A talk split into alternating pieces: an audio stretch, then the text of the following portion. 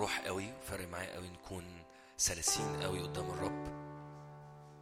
و جوايا قوي كلمات ملياني من امبارح. أنا مش هطول عليكم لكن جوايا كلمة الإنسان الروحي. حد سمع الكلمة دي؟ أكيد طبعا بنقولها كتير. الإنسان الروحي. الشخص اللي بيسلك بروح اللي طالب الرب بيقعد قدامه بيتغير بيلمس. هقرأ معاكم حاجات بسيطة في غلطية. لو حد معاه كتاب آه، مش هقرأ طبعا الإصحاح كله. الإصحاح الخامس العدد الأول بيقول كده.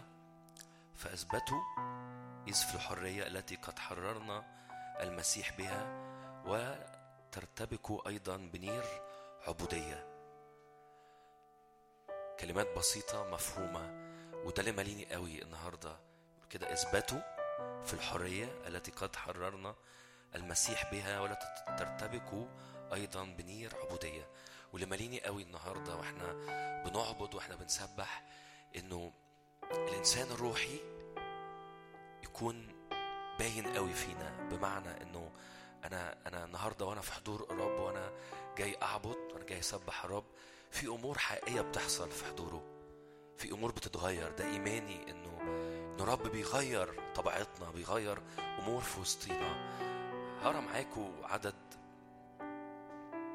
آه 16 بيقول كده وإنما أقول إسلكوا بالروح فلا تكملوا شهوة الجسد لأن الجسد يشتهي ضد الروح والروح ضد الجسد. وهذان يقاوم أحدهما الآخر حتى تفعلون ما لا تريدون ولكن إذ أنقضتم بالروح فلستم تحت الناموس وأعمال الجسد ظاهرة التي هي زنا عهارة نجاسة دعارة عبادة الأوثان سحر عداوة خصام غيرة سخط تحزب شقاق بدعة حسد قتل سكر بطر وأمثال هذه التي أسبق فأقول لكم عنها كما سبقتم فقلت أيضا إن الذين يفعلون مثل هذه لا يرثون ملكوت الله.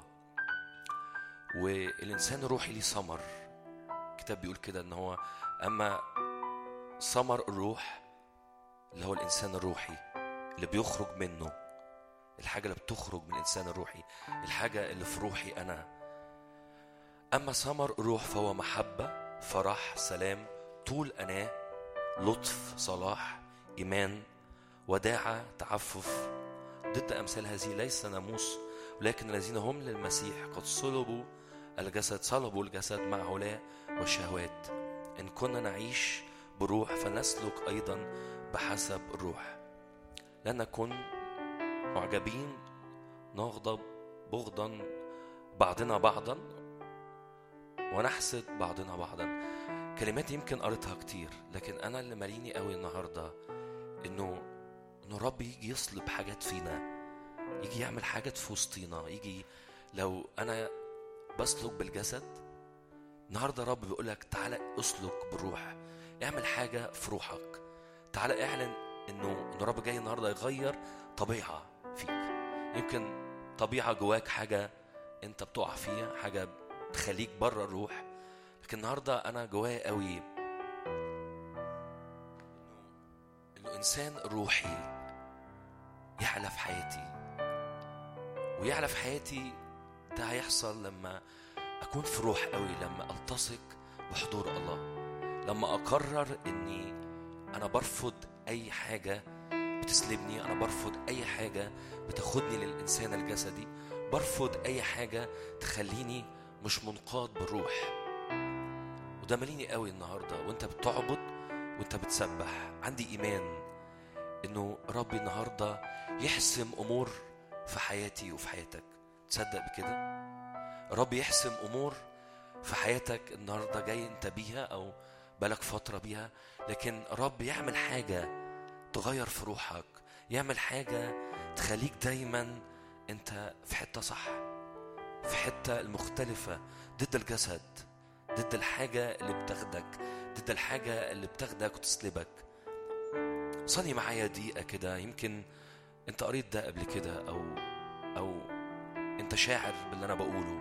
لكن على قلبي تعالى افتح افتح قلبك دقايق وصلي وارفع صوتك قول يا رب أنا النهارده أنا بستقبل سلام بستقبل سلام بستقبل لطف بستقبل حب بستقبل طول أناة.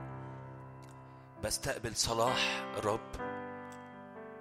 وصلاح الرب ده بمعنى إنه أنت بتبقى زي الله أنت بتبقى بطبيعة الرب.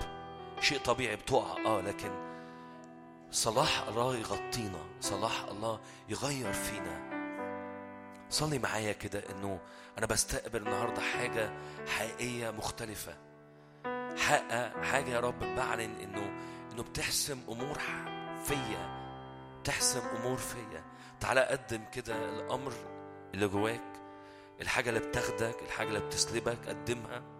قول له رب أنا بتغير في هذا الاجتماع. وأنا بعبد وأنا بسبح. الله يجي بطبيعة مختلفة. رب يجي يعمل حاجة في الإنسان الروحي. يجي يعمل حاجة ينقلك حتة مختلفة. يمكن ده آخر يوم في المؤتمر أنا عرفت كده. وما زلت بتصارع في حتة. ما زلت محطوط في حتة. ما زلت مسجون في حتة. رب بيقول لك النهارده أنا عاوز أطلقك. أنا عاوز أحطك في حتة مختلفة. أنا عاوز أنقلك بطبيعتي. أجي بحبي وبسلامي وبلطفي. أجي بطول أناه. أجي بأمور أنت ما اختبرتهاش يمكن قبل كده. ارفع إيدك معايا قبل ما نعبد كده. قول يا رب أنا بستقبل طبيعة الاب بستقبل طبيعة مختلفة. ده إيماننا وإحنا بنعبد. دي مش فترة قبل الوعظة لكن إيماننا إنه وإحنا بنعبد وإحنا بنسبح الله بيرسل حاجات حقيقية في الحضور الإلهي ده. استقبلها واستقبليها. أنا بسلك بالروح. أنا أموري بتتظبط النهارده. أنا في حاجات بتتغير النهارده. أنا في حاجات بتتحسم النهارده باسم يسوع. هللويا هللويا.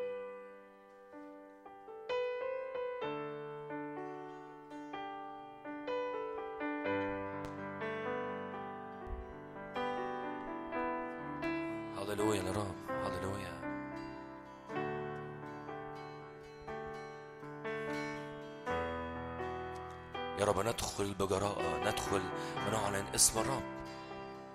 نعلن اسم يسوع يتعظم. نفسي نشعر بحرية في المكان. نفسي رب يقودك كده الأمور تعملها. أمور رب يقودك ليها. اعملها حسب قلبه. هللويا للرب. هللويا.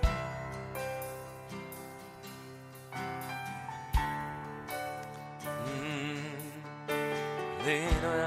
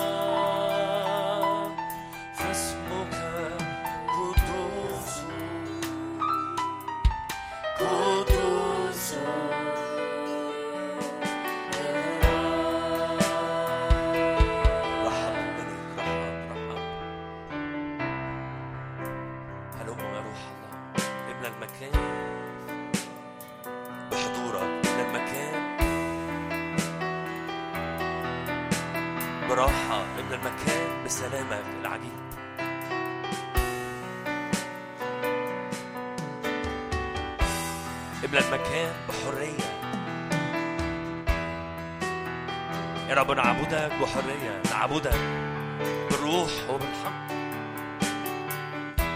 هللويا هللويا. ارفع صوتك كده واعلن هو الرب هو الرب. أما الرب فهو روح. وحيث روح الرب هناك حرية. اعلن إيمانك. نعم لنا حرية مجد أولاد الله. هللويا للرب. هللويا. يسوع فاسمك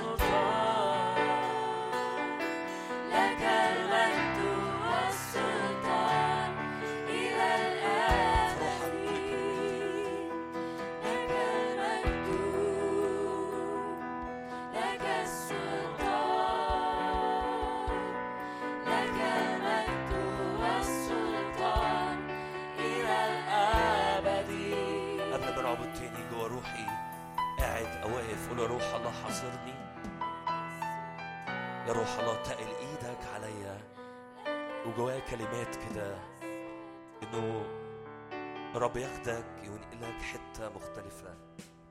الرب ياخدك من كل قالب حطه لنفسك لكل حتة أنت مستسلم عليها لكل حتة أنت مش قادر تخرج منها. ارفع إيدك لو شاعر بالمعنى واعلن إنه إنه رب أنا بخرج من كل حتة مش عارف أخرج منها من كل حتة مثبتاني من كل حتة عاملالي غلق جوه روحي. يا رب أصلي إنه قلوبنا ومشاعرنا وأذهاننا في حضورك بتتغير باسم رب يسوع. هللويا. تعالوا نعبد رب الوقت ده وإحنا سلسين جدا وإحنا متاحين قوي. هللويا.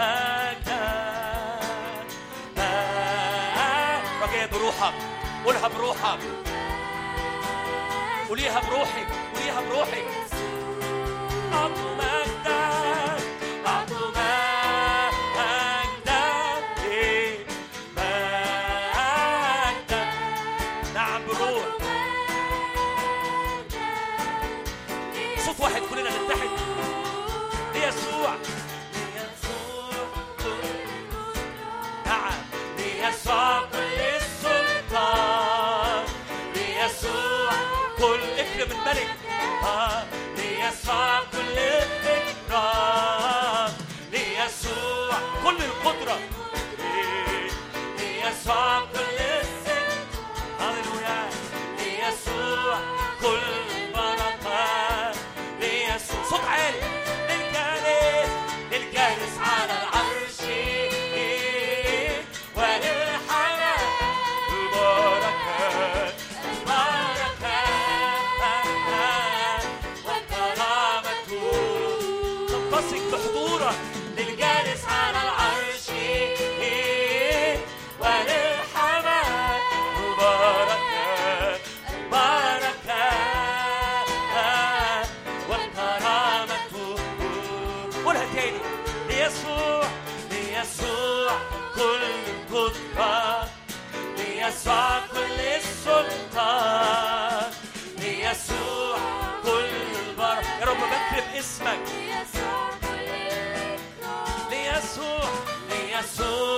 ليسوع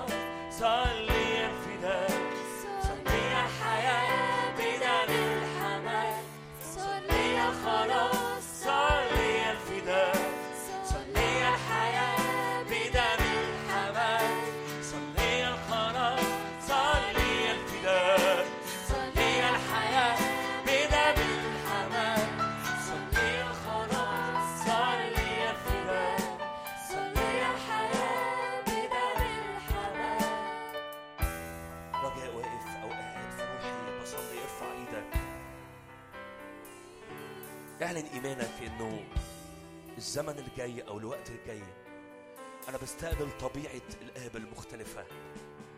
شعر جوا قلبي قوي إنه إنه إنه رب يلمس أعماقي وأعماقك النهارده. إنه الزمن اللي جاي أنا بسلك بطريقة مختلفة. الزمن اللي جاي أنا رب بيقودني لحتة مختلفة. قبل ما نعبد تاني ارمي ارمي على قلبي ارمي ارمي أي حتة تستنزفك أي حتة بتسلبك أي حتة بتاخدك حتى لو شكلها حلو. حتى الطبيعي لو هي حلوة. لسه قبل ما نعبد تاني. قول يا رب أنا بعلن إنه أنا بعبر الحتة دي. رب ياخدك ويمسك إيدك ويمسك إيدك ويعبرك حتة مختلفة. تعالي استقبلي استقبلي إنه إحنا بنختم سنة صح؟ ارفع إيدك كده على السنة وهي بتخلص واعلن إنه رب أنا بختبر أمور على قلب الآب أمور عجيبة فوق كل توقعاتي آمين؟ ارفع إيدك استقبل. أنا بختبر أمور فوق كل توقعاتي فوق كل تحدياتي فوق كل جبال أنا شايفها باسم يسوع. اتحد مع أخوك اتحد معانا كفريق. انه رب ينقلك نقلة مختلفة.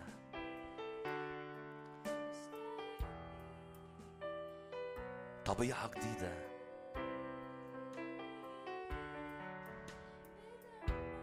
هللويا.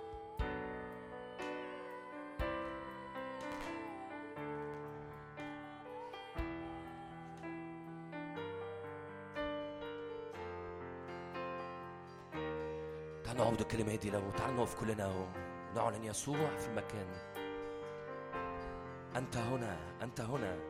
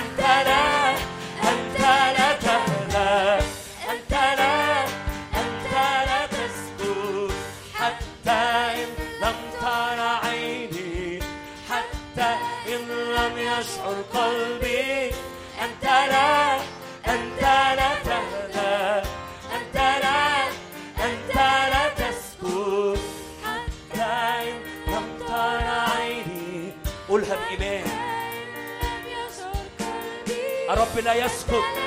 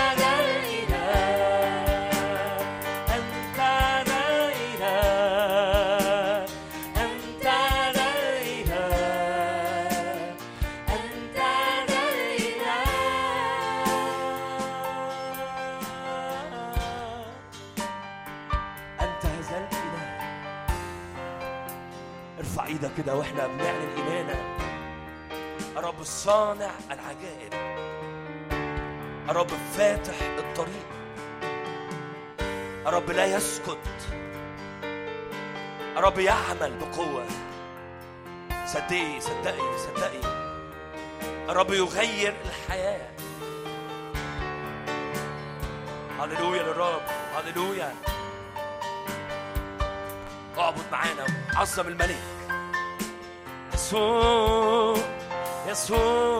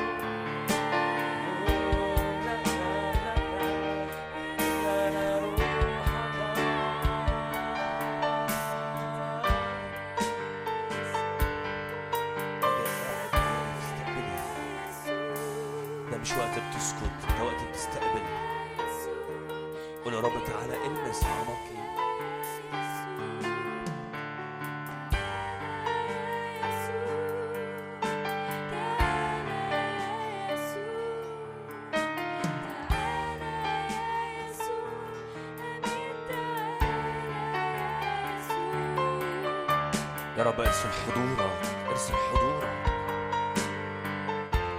املانا بالروح القدس.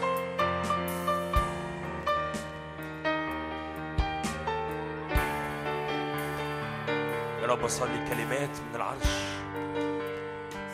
ارسل كلمات من السماء. تعالي استقبلي كلمات من السماء. تعالي استقبل كلمات من السماء. يا رب نعلن حياة نعلن حياة. هللويا يا رب.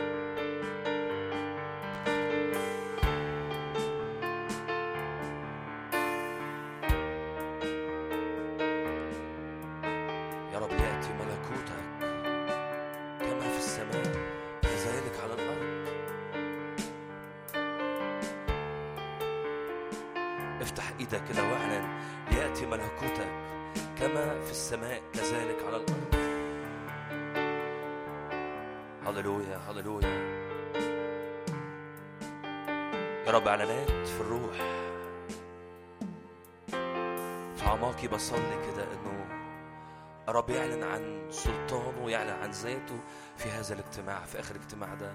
الرب يخترقك الرب يحصرك. الرب يتعامل معاك بصفة شخصية جدا.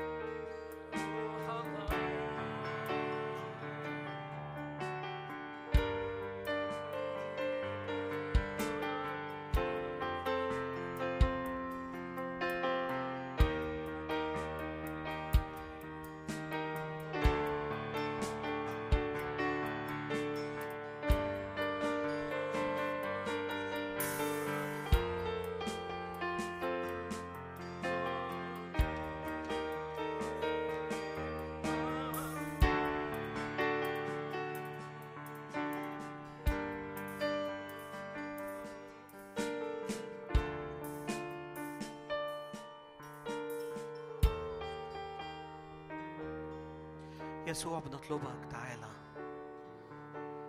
خلونا نكمل الترنيمة دي. تعالى يا يسوع. تعالى يا يسوع.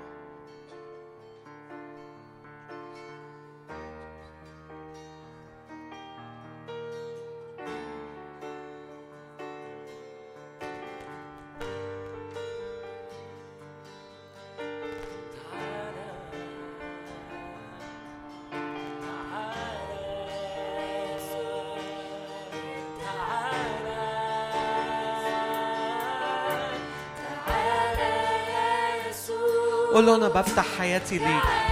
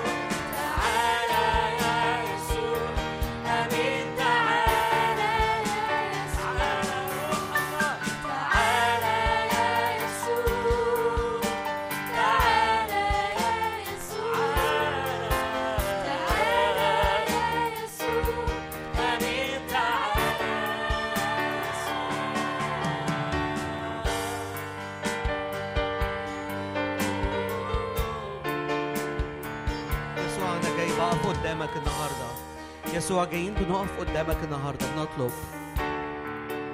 يسوع أنا بطلب النهاردة إن أنت تستب إن بطلب يسوع النهاردة إنه تعلن عن ذاتك. زي ما أعلنت عن ذاتك ليوحنا. صوتك كمياه كثيرة. شعرك ورأسك أبيضان كالثلج. عيناك كلهيب نار. يسوع أنا بصلي النهاردة إن أنت تعلن عن ذاتك. يسوع أنا بصلي أنت تستب إن في حياتنا. مش بس كاجتماع لكن بصلي كأفراد النهاردة إنه أنت تستب إن إن أنت تاخد خطوة في حياتي إن أنت تيجي تخطي في حياتي بطريقة جديدة. يسوع أنا بصلي النهارده انه عينيا وعينين إخواتي تتفتح. بصلي النهارده إنه الدي ان إيه بتاعنا يتعاد كتابته إنه التركيبة بتاعتنا تركيبتنا النفسية تركيبتنا الروحية يتعاد كتابتها. يسوع تعالى ستيب ان إلى الآن لم يظهر ماذا سنكون لكن نعلم أننا سنكون مثله أننا أننا سنراه كما هو.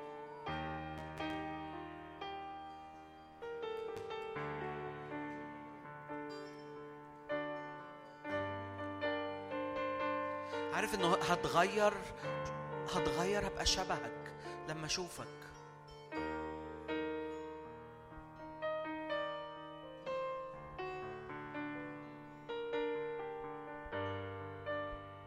نحن الآن أبناء الله لم يظهر بعد ماذا سنكون لكننا نعلم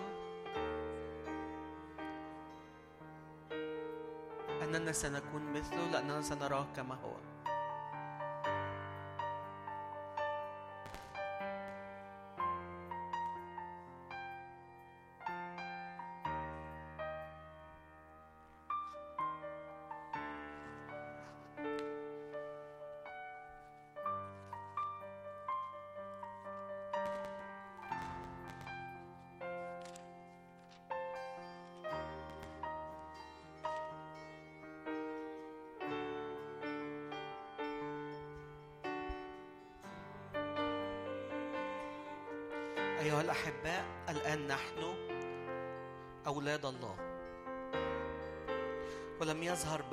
سنكون؟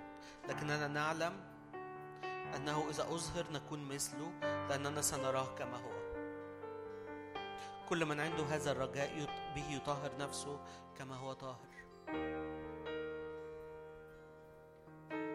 يا رب أنا بصلي النهاردة بصلي إنه يسوع أنت تظهر. بصلي النهارده انه يحصل التحول ده جوانا. بصلي إنه يحصل تحول في كل تركيبتنا في كل حياتنا. يحصل تحول في اجسادنا يحصل تحول في نفسياتنا يحصل تحول في أرواحنا. نصير مثل يسوع. يسوع ستيب يا روح الله تعالى. اشهد عن يسوع في وسطينا. ثبت شهادة يسوع في وسطينا. وانت بتدعونا للشركة مع يسوع. تعالى ثبت شهادة يسوع دي في وسطينا. تعالى اشهد عن يسوع في كل واحد. أنا بصلي دلوقتي إنه زي ما بولس بإعلان عرف السر بإعلان شاف يسوع. أنا بصلي النهارده لينا في نفس الوقت دوت إن إحنا نشوف يسوع. تعالى يا روح الله قدام كل عين فينا. قدام كل قلب. يا روح الله تعالى. حط إيدك على كل واحد فينا دلوقتي.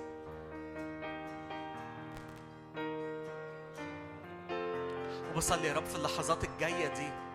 بصلي في اللحظات الجاية دي إنه يحصل مقابلة حقيقية مع يسوع.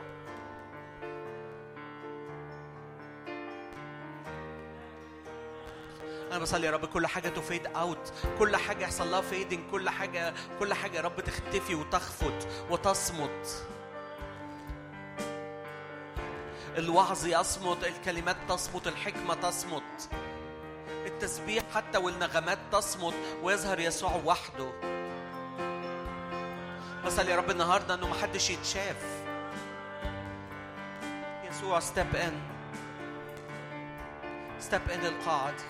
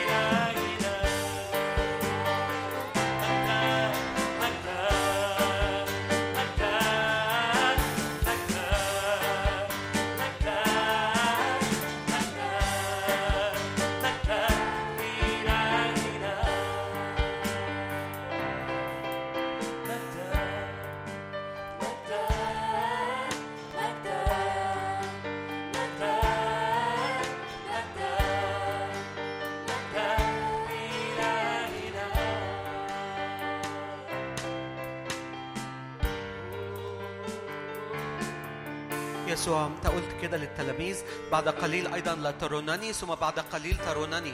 فأنا بصلي دلوقتي لأنه يبقى عندنا الرؤية العميقة دي في أرواحنا. اللي مش هنعرفك بالجسد يا رب دلوقتي لكن بصلي انه هنعرفك بالروح. تعالى يا رب. يسوع تعالى بحقيقتك علينا.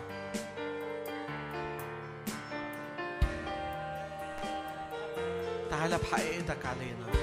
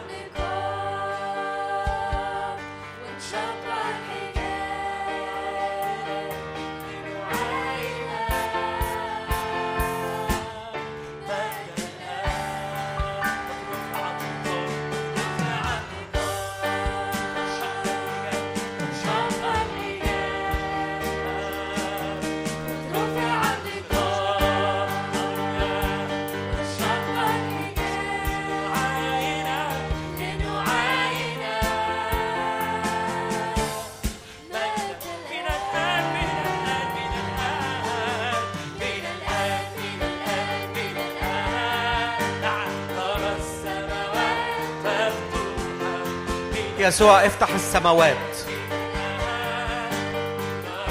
ونرى يسوع قائم عن يمين الآب ممجد في السماوات.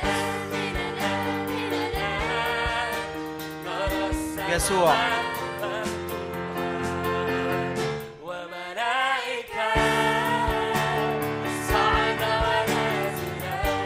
يا رب اتحد بكل واحد في القاعة هنا. لنصعد أمامك يا رب لنصعد أمام عرشك النهاردة.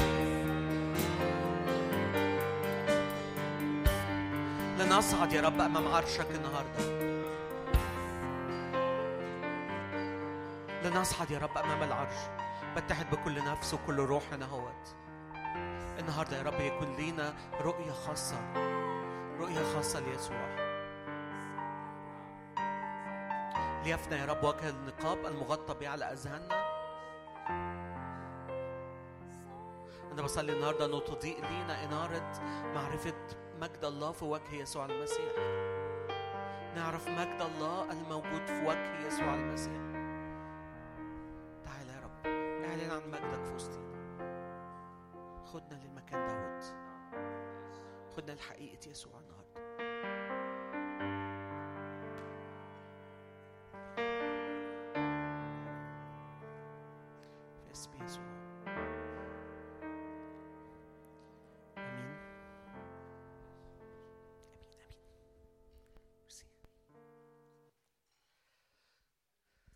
ازيكم ازيكم ستيفان ازيك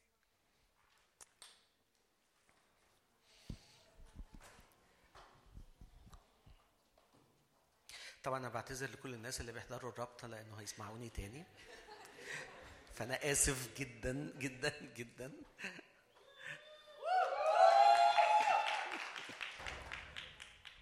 وآسف بقى إن هم هيسمعوا حاجات أنا قلتها قبل كده.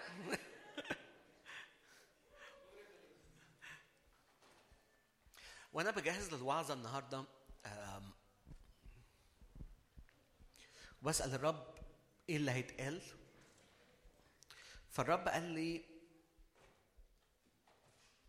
قال لي مش إيه قال لي مين؟ ده كان السؤال. الس- الرب يقول لي not what but who.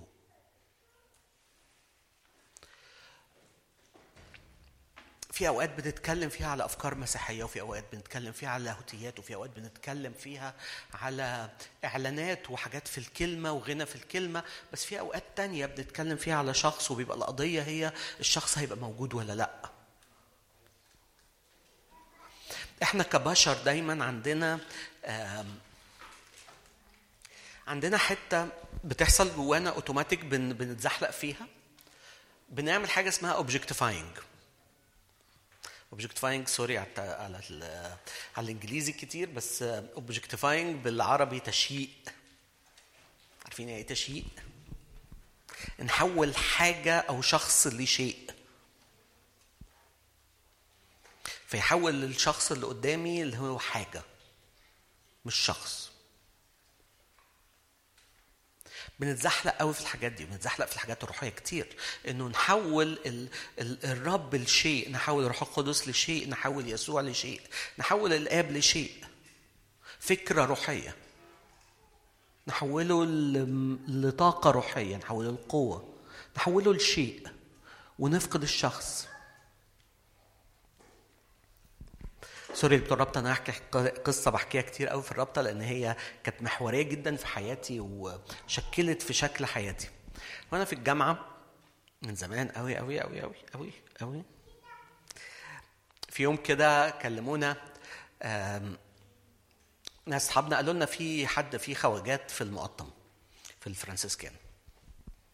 فعماد ابتدى يضحك عشان سمع القصة قبل كده. فقالوا لنا في خواجات في المقطم. فقشطة نطلع المقطم نروح نحضر مين دول؟ قالوا لنا دول فريق تسبيح. طب كويس واحد محتاج دايما تسبيح حلو. فريق تسبيح خواجات فكويس. ما كانتش زمان الترانيم الأجنبية كتيرة موجودة. كانت الحاجات دي صعبة يعني نادرة الوجود. المهم فطلعنا رحنا المقطم. أنا وشوية من أصحابي. وأول ما عتبنا القاعة بتاعت المقطم. هي القاعة اللي بيتعمل فيها الاجتماعات دلوقتي هي نفسها صدمة. صدمة. أول ما عتبنا المكان. إيه الصدمة؟ أنا في الوقت ده الكلام ده كان سنة 94 أنا كنت في كنيسة فيها انسكاب عنيف جدا للروح القدس. فكان عندنا انسكاب في كنيستنا للروح القدس انسكاب قوي جدا. ما كانش عندنا أي كنت متعود على مواهب الروح. متعودين على قوة الروح متعودين على الحضور متعودين على القوة محتاجين متعودين على المواهب. أنا بعتذر للناس اللي ورايا. sorry متعودين على كل الكلام دوت. فأنا متعود على دوت ورايح مستني دوت. ومستني الأجواء اللي فيها قوة. وفي الوقت ده كنا بنتفرج كتير قوي على بيني هن وبنتفرج على بونكي وكان في. في الازمنه دي كان دول مشهورين قوي. وبنقرأ عن كاثرين كولمان وما أعرفش تعرفوا الأسامي دي ولا لأ. فبنقرا عن. عارفين القوة. وأنا في مكان فيه حضور. الجسد بتاعي مليان حضور. اجتماعات الصلاة بتاعتنا مليانة قوة. بس أول ما خطيت المكان ده حصلت لي صدمة. أنا وكل اللي معايا الحقيقة. أنا فاكر كويس قوي الترنيمة اللي دخلت وكنت سامعهم بيرنموها. آه، وفاكر الأحاسيس بتاعتي ساعتها. أنا فجأة قابلت شخص. أنا ما قابلتش قوة. أنا قابلت شخص. والشخص ده كان بن أكتر شخص عنده رحمة عليا أكتر شخص عنده رأفة. أكتر شخص حنين قابلته في حياتي. أنا قابلت شخص في الوقت ده. طلع طبعا المجموعة دول دول بتوع تورونتو للي عارفين إيه تورونتو؟ دول الكنيسة بتاع تورونتو كانوا جايين مصر.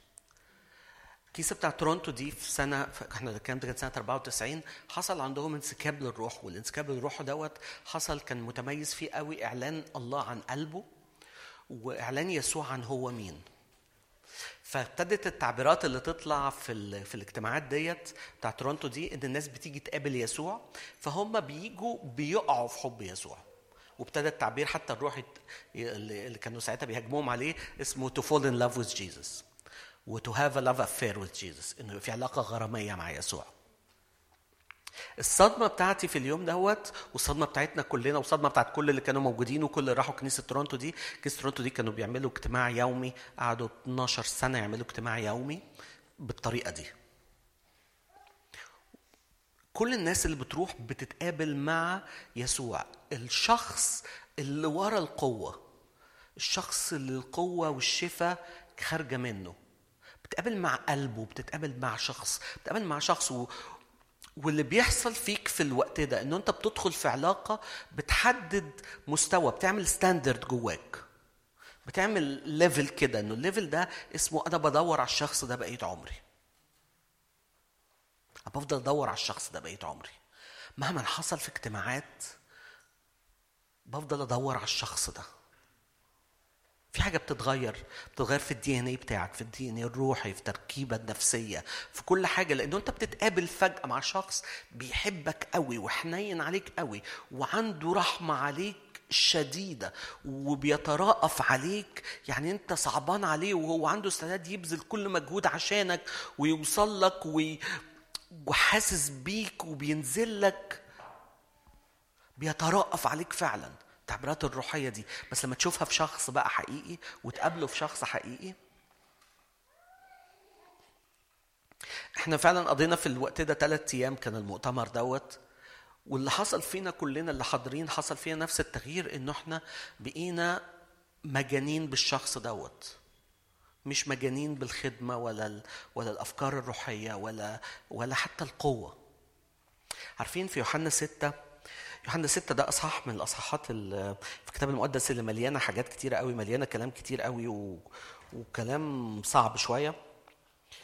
بس هو ما أصحاح مليان يعني. في يوحنا ستة يسوع بيقول, بيقول بعد ما بيعمل معجزة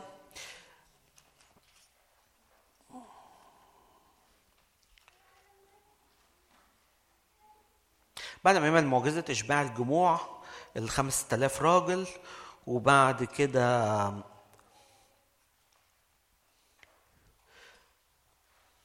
بعد ما يسوع جالهم ماشي على المية على المركب وبعد كده هو في عدد في عدد 26 أو خلينا نقول 27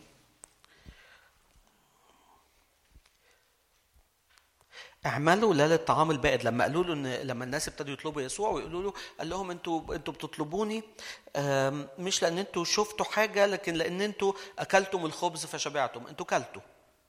فدايما إحنا رايحين. نعم ورا اللي بيأكلنا. ده اللي يسوع بيقوله لهم. بمنتهى البساطه أنتوا جايين ورا اللي بيأكلكم. ف في عدد 27 بيقول لهم اعملوا لا للطعام البائد يعني الطعام اللي, بينتهي الطعام ال ال الوقتي بل للطعام الباقي للحياة الأبدية الذي يعطيكم ابن الإنسان لأن هذا الله الآب قد ختمه. فقالوا ماذا نفعل حتى نعمل أعمال الله؟ أجاب يسوع وقال لهم هذا هو عمل الله أن تؤمنوا بالذي أرسله.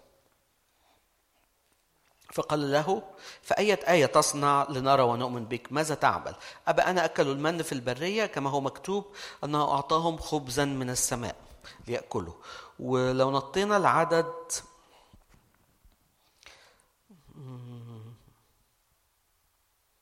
عدد كام؟ نط العدد كام؟ إيه رأيكم؟ 49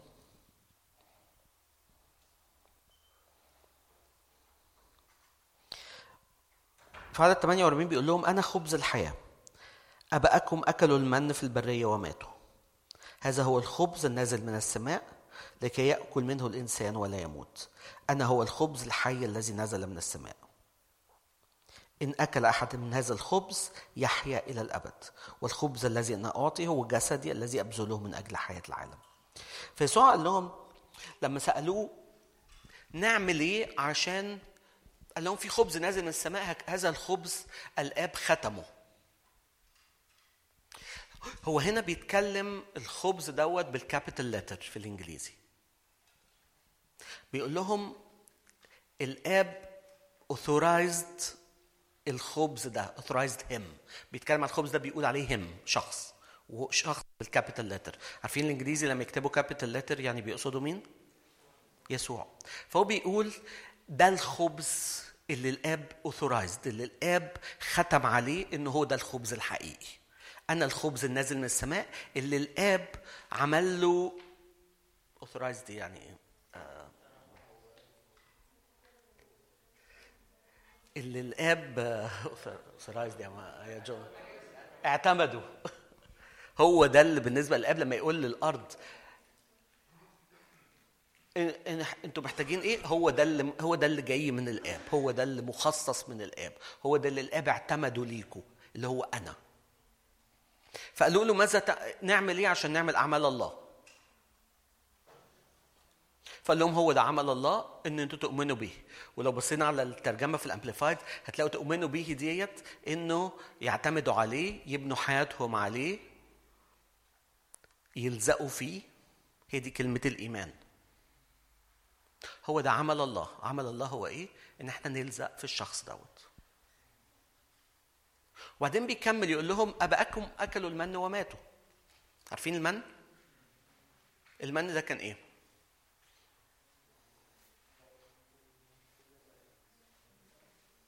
عارفين المن ده كان إيه؟ عارفين ولا مش عارفين؟ من عارفين المن. كله عارف المن. المن ما حدش عارف هو ده إيه أساسا. حاجة كده بتنزل من السماء بتلاقوها على الأرض الصبح بياكلوا منها. محدش عارف هو إيه يعني. فاللي يقول لي هو عارف المن. Anyway فالمن المن ده فبيقول لهم ابائكم أكلوا البركة اللي جاية من السماء وماتوا. هقول الجملة تاني وخليها كده تدخل جواكم. أكلوا البركة اللي جاية من السماء وماتوا. الشعب قعد ياكل في المن 40 سنة في البرية. المن ده بيجي مباشرة من الله كل يوم. مع ذلك بيقول لهم أباءكم أكلوا بركة سماوية يومية وماتوا. حد حاسس ب بوم؟ حد حاسس ببوم غيري؟ بوم كده في إن أنا ممكن آخد بركات من الرب وأموت.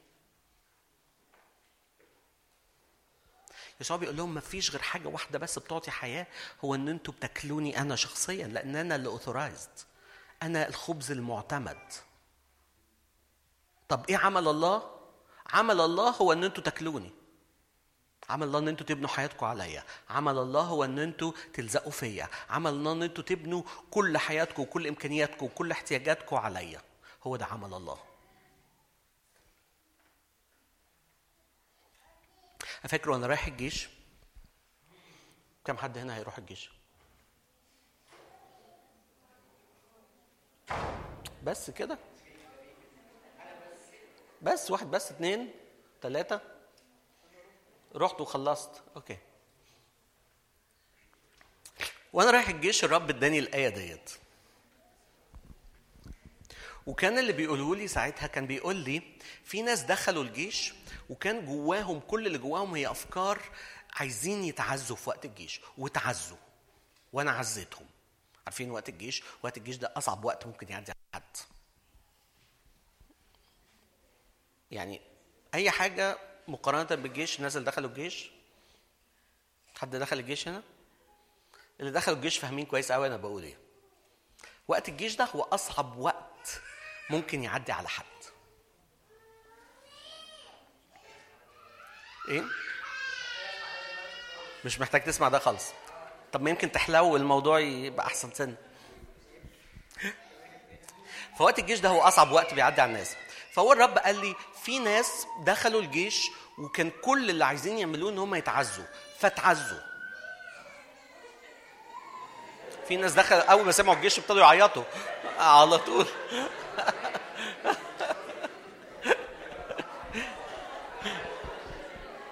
سيره الجيش بت بتعيط.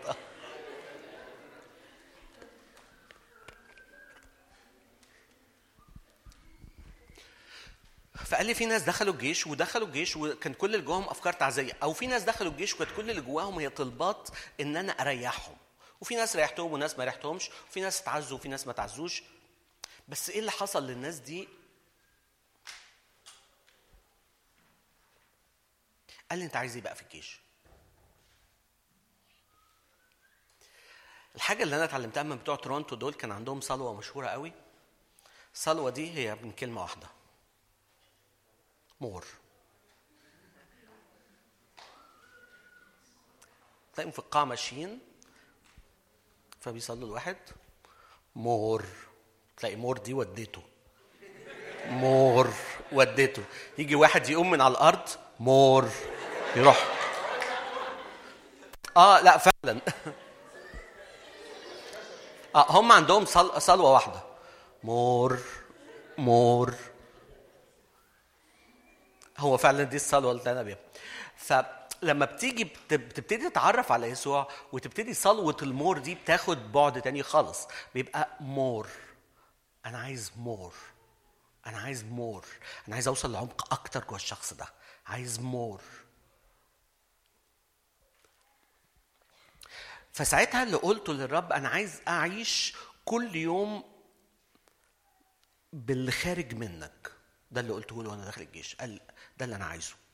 أنا مش عايز اتعزى طبعا لو عزتني هيبقى كويس؟ أنا مش عايز أرتاح. طبعا لو ريحتني هيبقى كويس قوي. أنا عايز أعيش فيك فترة الجيش.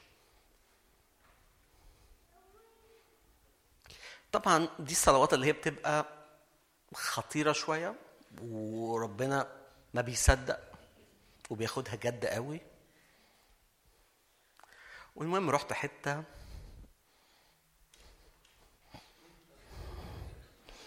يعني مور فعلا مور مور يعني. كان مور بوصاية يعني وتوص بس كان الف... الحاجة كلها اللي جوه الجيش إن أنا أعيش الأيام اللي بيدخلوا الجيش التحدي بتاعهم إزاي يعدوا الأيام. إيه اللي هيحصل النهارده؟ وإزاي النهارده اليوم يعدي وبكرة يوم يعدي لغاية ما نخلص الأيام بتاعتنا فقاعدين بنعد الأيام. فاللي كان الرب ساعتها بي... بيعلموني إزاي أعيش الأيام جواه.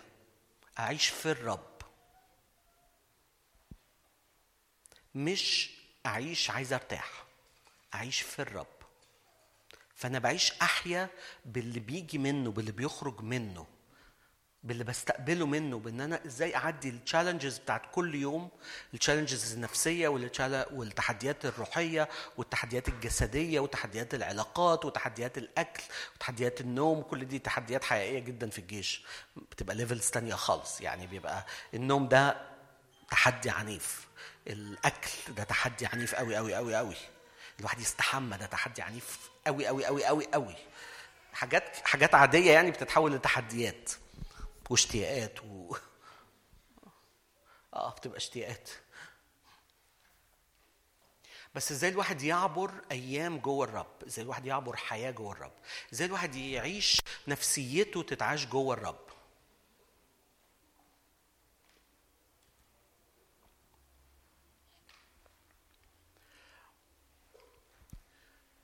أنا ممكن آخد بركات وابائكم أكلوا المن وماتوا. ممكن أبتدي أتغذى على شخص. والشخص دوت لما بستقبله ببني حياتي عليه بتحد بيه بعتمد على إمكانياته بعتمد على هو مين بعيش حياتي بنيها عليه. حياتي دي يعني إيه؟ يعني بعيش الأيام إيه اللي بيحصل جوه الأيام؟ الأيام بي فيها مليانة أفكار الأيام مليانة مشاعر الأيام مليانة حاجات في النفسية الأيام مليانة حاجات في الجسد الأيام مليانة علاقات الأيام مليانة ماديات. الأيام مليانة كل حاجة. لو خدتوا يوم كده من أيام من حياتكم وقعدتوا تشوفوا هو في إيه هتلاقوا فيه كمية مشاعر وكمية أفكار بتعدي عليا. في كمية علاقات وفي كمية interactions في كمية تحديات جوايا وبرايا. كل واحد بيكبر كل ما التحديات بتزيد والحاجات بتتعقد أكتر. بس إن أنا أعيش الأيام في الرب بكل ما فيها feeding على الرب بتغذى على الرب. ال more more of إيه more من الرب دلوقتي. more من الرب. أنا عايز more من الرب. عايز more من يسوع.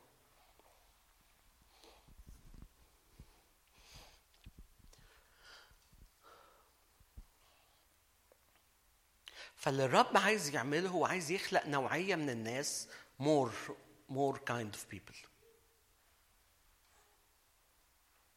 الناس اللي بتقول more. عارفين بولس؟ بولس كان more person فإيه؟ أول ما يوصل لحاجة يعمل فيها إيه؟ ينساها. ويمتد لما هو قدام. يدخل لل level ويمتد لما هو قدام فبولس كان more kind of a person بولس كان إنسان more يوحنا المعمدان كان إنسان more عمال ينقص ينقص عشان يسوع يبقى more more more أنتوا معايا؟ فعشان يسوع يبقى more يوحنا المعمدان عمال بيرمي كل حاجة هو مين. فجه في وقت رمى خدمته. جه في وقت رمى دعوته رمى النهضة اللي هو كان عاملها. أنتوا عارفين يوحنا كان عامل نهضة مهولة في إسرائيل. أنتوا عارفين يوحنا خدم وقت قد إيه في إسرائيل؟ بيقولوا سنة ونص. سنة ونص قلب شعب. متخيلين حجم النهضة؟ وبعدين قرر إن النهضة دي تنتهي لأنه هدف النهضة ظهر. يسوع. النهضة كانت اعداد الطريق ليسوع. خلاص أنا ه fade out أنا هختفي من الصورة. ويسوع خد تلاميذي. كم واحد لو عمل نهضة قلب بها مصر عنده استعداد ي fade out ويديها لحد تاني. كم واحد عنده استعداد يعمل كده؟ أنا ما أعرفش خدام ممكن يعملوا كده. أنا الحقيقة ما أعرفش ما أعرفش أنا ما أعرفش أعمل كده. بس يوحنا كان more kind of a person اللي هو هو فاهم مين اللي لازم يبقى more بولس كان فاهم مين اللي لازم يبقى more فهو عمال بولس يعيش عشان more of يسوع إنه يفهم يسوع أكتر. ولما وصل رسالة فيليبي من آخر الرسائل اللي بولس كتبها كتبها في السجن في روما وهو مسجون. فهو كتب إنه بعد ما كان لي ربحا فهذا قد حسبته لأجل المسيح خسارة لأجل فضل معرفة المسيح. it's all about إن أنا أعرف يسوع وإن أنا أزداد في معرفة يسوع. لعلي أبلغ إلى قيامة الأموات. إيه لعلي أبلغ لقيامه الأموات دي؟ اللي أنا فاهمه من الآية دي إنه لعلي أعرف يسوع زي ما هعرفه بعد الأموات بعد ما أقوم من الموت. اللي هو أنا شايفه وجها لوجه. لعلي هنا دلوقتي أجيب ال maximum بتاع معرفة يسوع. لعلي هنا أو أوصل لل maximum حتى اللي أنا إني أعرف يسوع أكني بعرفه بره الجسد.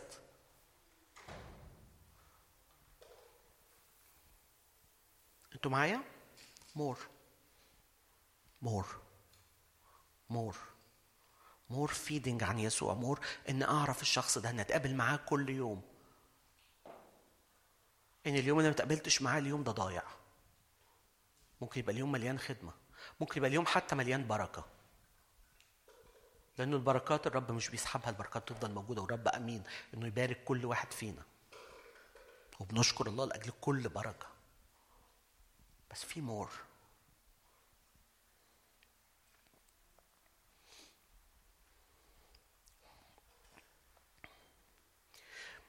اللي بولس بيتكلم عنه في افسس في افسس في فليبي ثلاثة تعالوا نشوف فليبي كده بتقول إيه.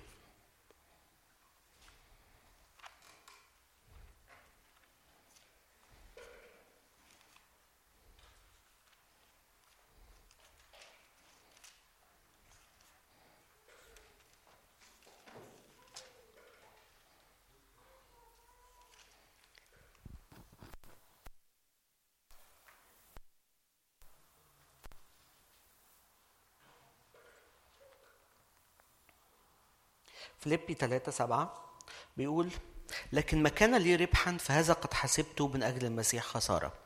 بل أني أحسب كل شيء أيضا خسارة من أجل فضل معرفة المسيح يسوع. ربي الذي من اجله خسرت كل الأشياء وأنا أحسبها نفاية لكي أربح المسيح وأوجد فيه. وليس لي بري الذي من الناموس بل الذي بإيمان المسيح. البر الذي من الله بالإيمان. لأعرفه وقوة قيامته وشركة ألامه متشبها بموته. لعلي أبلغ إلى قيامة الأموات.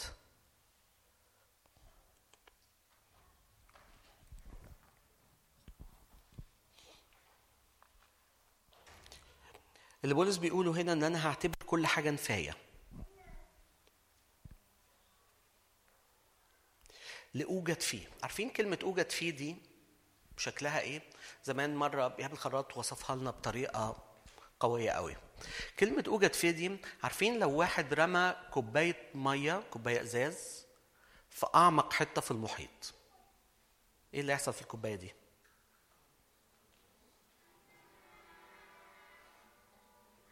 هتتملي مية وهتبقى ولما تتملي مية هتبقى جوه المية. صح؟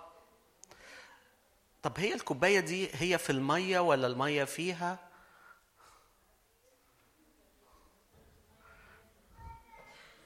هي دي أوجد فيها. مش إنه الرب إحنا دايما بنحب الرب اللي جوانا اللي أنا حاسس بيه بيعدي جوايا اللي أنا سامعه واللي أنا شايفه. لكن هنا بولس بيقول أنا عايز أوجد فيه أنا عايز أغرق وأتوه في الشخص دوت. بولس فاهم كويس قوي إن هو آخره كوباية مية. مليانة على آخرها؟ مش دي القضية. هي كوباية مية غرقانة جوه المية. مش كوباية مية مليانة مية. إن أنا أبقى تايه في الشخص دوت في كل اللي جواه لأني مش هعرف أحتويه. أنا مش هعرف أحتوي كل اللي جواه يسوع. مش هعرف أحتوي محبته. مش هعرف احتوي وافهم إيه المحبة.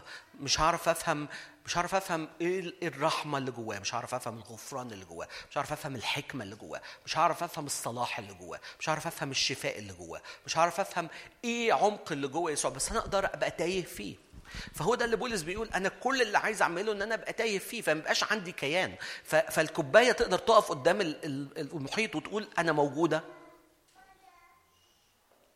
تفتكروا الكوباية ينفع تقول الجملة دي؟ بس الكوباية موجودة. بس مش موجودة. هو ده اللي بولس بيقوله بيقول أنا هخسر كل حاجة. أنا هعتبر كل حاجة أكنها مش موجودة. الإنجاز اللي عملته في الخدمة أكنه مش موجود. الإنجاز الشخصي بولس عمال في الآيات اللي قبل كده عمال يتكلم على الإنجازات الشخصية والتاريخ بتاعه وهو مين. عمال بيقول إن أنا أنا اتلمست على إيد أكبر معلم ناموس. أنا أنا من من سبط بنيامين. أنا روماني. أنا أنا متعلم كويس. أنا رسول للمسيح. أنا أنا أنا أنا أنا. لكن كل الكلام ده أنا هعتبره نفاية عشان أربح المسيح عشان أوجد فيه فهو اللي بولس بيقوله إنه أنا هنكر كياني ككوباية مية وده اللي عمله يوحنا المعمدان أنا هنكر أنا هنقص عشان هو يزيد أنا عايز أبقى غرقان فيه. أنا عايز أبقى محمول عايز أبقى وأنا عايش أنا غرقان في شخص يسوع في طبيعة يسوع في مين هو يسوع ده في إيه اللي جوه يسوع دوت. عارفين في في إنجيل يوحنا أصح واحد بيقول كده نحن من ملئه جميعا أخذنا نعمة فوق نعمة. إحنا إحنا بناخد من الملء دوت. إيه هي النعمة؟ نعمة نعمة نعمة صح؟ وساعات خمسة نعمة. نعمة نعمة نعمة نعمة. لما الموضوع يبقى صعب قوي.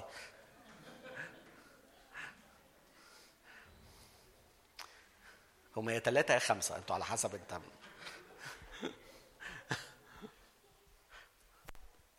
ولو حد عارف الفرق يبقى يقول إيه هي النعمة؟ النعمة هو شخص يسوع لما لما يبتدي يأثر على حياتك.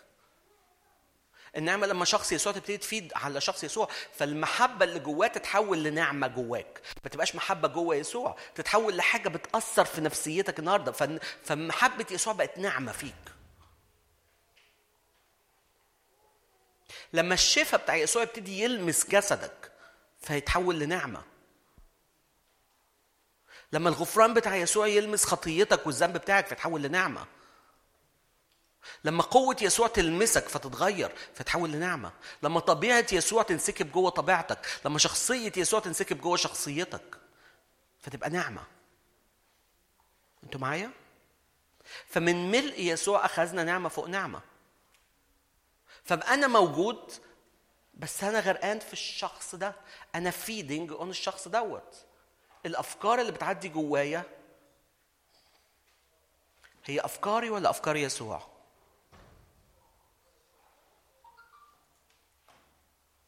هي طبعا أفكاري. بس لما بقى أوجد في الشخص ده واحد زي بولس يقدر يقول أنا ليا فكر المسيح. هي أفكاري بس هي أفكار المسيح. فهي أفكاري ولا أفكاره؟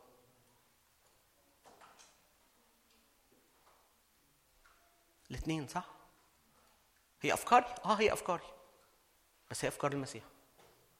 هو المشاعر اللي أنا حاسسها للناس دي مشاعري ولا مشاعر المسيح؟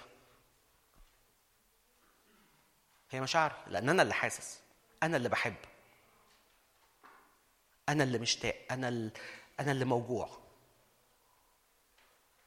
فهي مشاعري ولا مشاعر المسيح؟ هي الاثنين عارفين سمر الروح؟ حد فك حد عارف حد عارف سمر الروح؟ حد حافظ هم إيه؟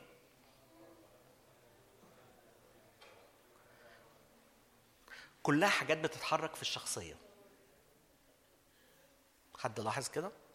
محبه فرح سلام طول اناه لطف صلاح إيمان وداعه تعفف. كلها حاجات بتتحرك في الشخصية. شخصية مين اللي بت... اللي بتثمر جواك؟ شخصية يسوع. فتيجي تبص هو ده أنا ولا ده يسوع؟ عارفين بولس؟ بولس ابتدى حياته بيقتل الناس اللي مختلفة عنه. وده على فكرة بيبقى طبع. يعني يعني هو بيقتل المسيحيين بس لما يبقى مسيحي هيقتل غير مسيحيين. يعني هي بتبقى طبع كده. فبولس أول ما واحد بيسيبه في الخدمة بيعمل فيه إيه؟ أو واحد يخستع شوية في الخدمة بولس بيعمل فيه إيه؟ بيعمل إيه يا جو؟ بيطرده. ده الراجل ده سابنا في وسط الخدمة ومشي لا خلاص نرميه. هو مش بيقتلهم دلوقتي جسديا بس هو يعني جرب ادخل في مناقشة مع بولس جرب مرة تبقى on the wrong side زي ما بيقولوا. بس بولس ده لما جه بقى في رسالة كورنثوس بيتكلم عن نفسه بيقول إن أنا عليا حمل الكنايس كل يوم عليا تراكم الكنايس كل يوم. من يضعف وأنا لا أضعف؟ مين في الكنايس اللي في اللي موجودة كلها؟ كل الكنايس. مين في الكنايس دي يضعف؟ وأنا ما أحسش بالضعف. مين في الكنايس دي يتعثر؟ وأنا لا ألتهب.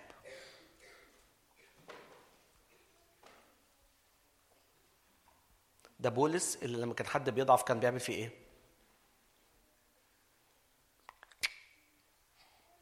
مش هتحب تبقى مع قائد كده صح؟ تخيل لو قائد خدمة كده. اللي بيضعف بنطرده بس بولس بعد سنين من من العيشة مع الرب والعيشة مع يسوع وصل إن هو مين يحس بالضعف وأنا ما بقاش حاسس بالضعف معاه. عارفين يعني إيه؟ يعني لما واحد منكم يحس إنه ضعيف القائد بتاعه يبقى قاعد في البيت مكسور عشانه.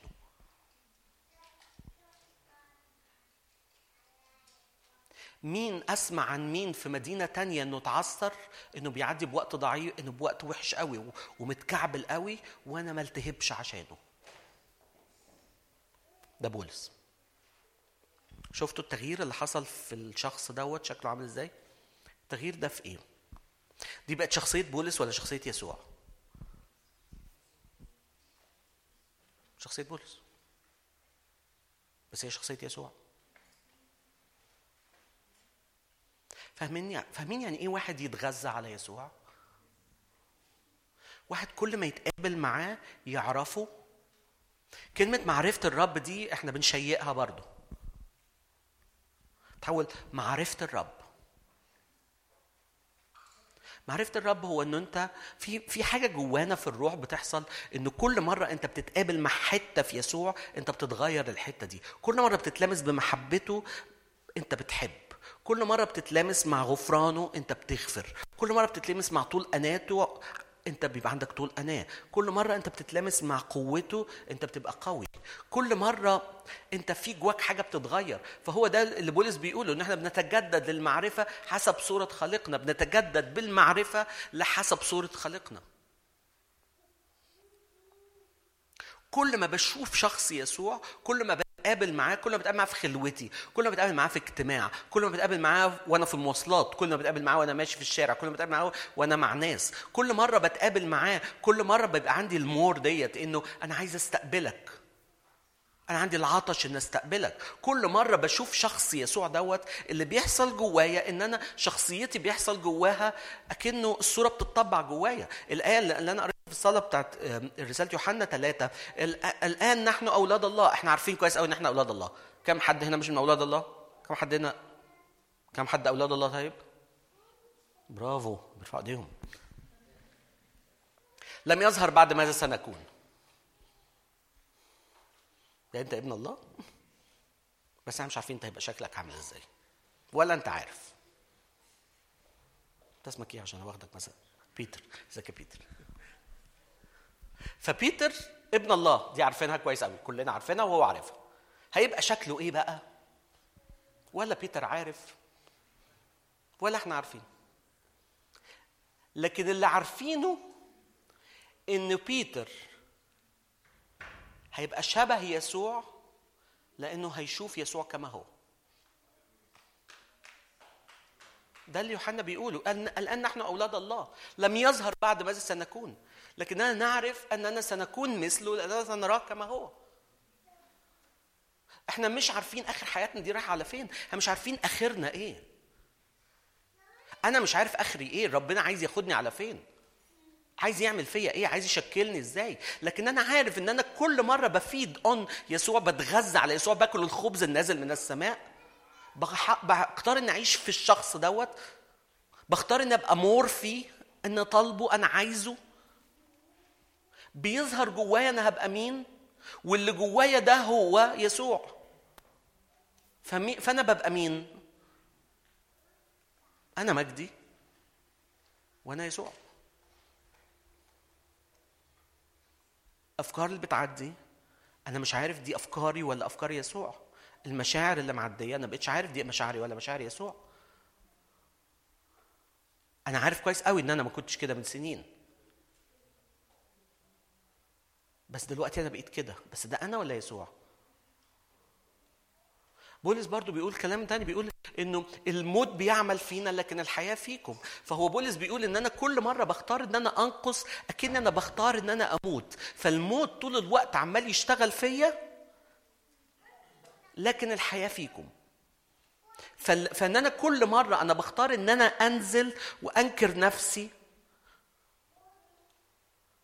الموت بيعمل فيا. ده ده موت. إن أنا بقول لنفسي أنا بنكرك أنا ماليش دعوة بيكي أنا مش عايزك. فإيه اللي بيشتغل جوايا؟ اللي بيشتغل جوايا هو الحياة. فاللي بيحصل إنه أنا مقرر إنه أنا مش عايز أتكلم بكلماتي. فلما أجي أتكلم مع بيتر أنا بختار إني ما أتكلمش كلماتي. فأنا بختار أموت. فالموت بيشتغل فيا. لكن أنهي كلمات بتخرج؟ كلمات يسوع بتدي له حياة. أنتوا معايا؟ فاهمين اللي أنا بقوله؟ كل مرة أنا بختار أنقص كل مرة بختار المور بختار إن أنا أفيد وإن أوجد فيه أتوه فيه. هاو فار هنوصل لفين؟ أنا ما أعرفش. هاو فار جوز لغاية فين؟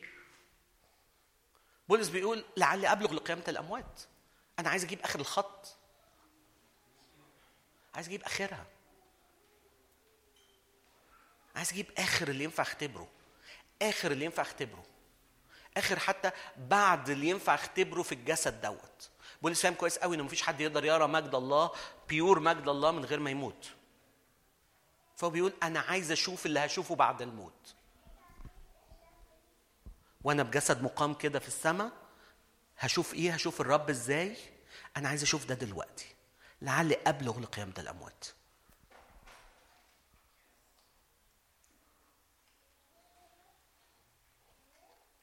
عشان كده في ناس كتير قوي كل اللي بتعيش عليه هو مجرد بركات. أباءكم أكلوا المن وماتوا. في more. في more. في more أكتر حتى من من إن أنا أقع وأنا بيتصلى لي. في more في شخص. كل ما بعرف الشخص ده كلمة معرفة الله.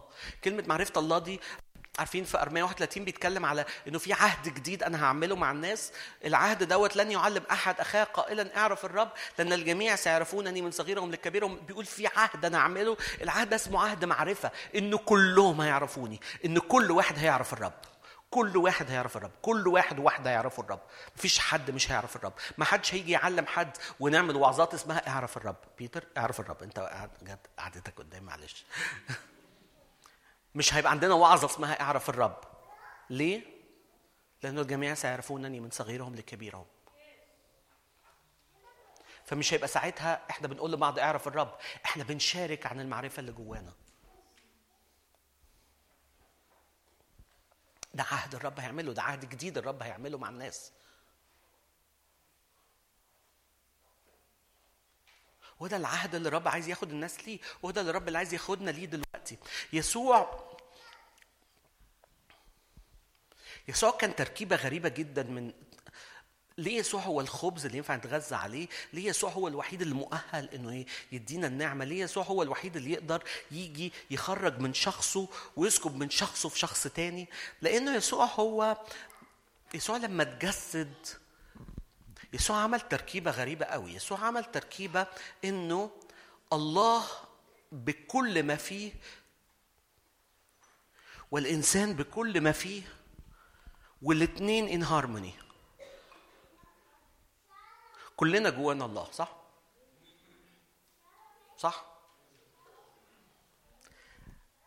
كم واحد الله اللي جواه ان هارموني مع طبيعته؟ كم واحد؟ حد فاهم اللي أنا بقوله؟ الجسد بيجتهد ضد الروح والروح ضد الجسد. فإحنا طول الوقت عندنا ال tension دوت. كم واحد فاهم اللي أنا بقوله؟ كم واحد فاهم ال tension ده عارفه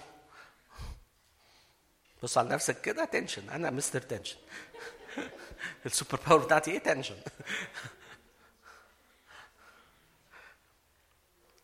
يسوع ما كانش جواه ال tension دوت.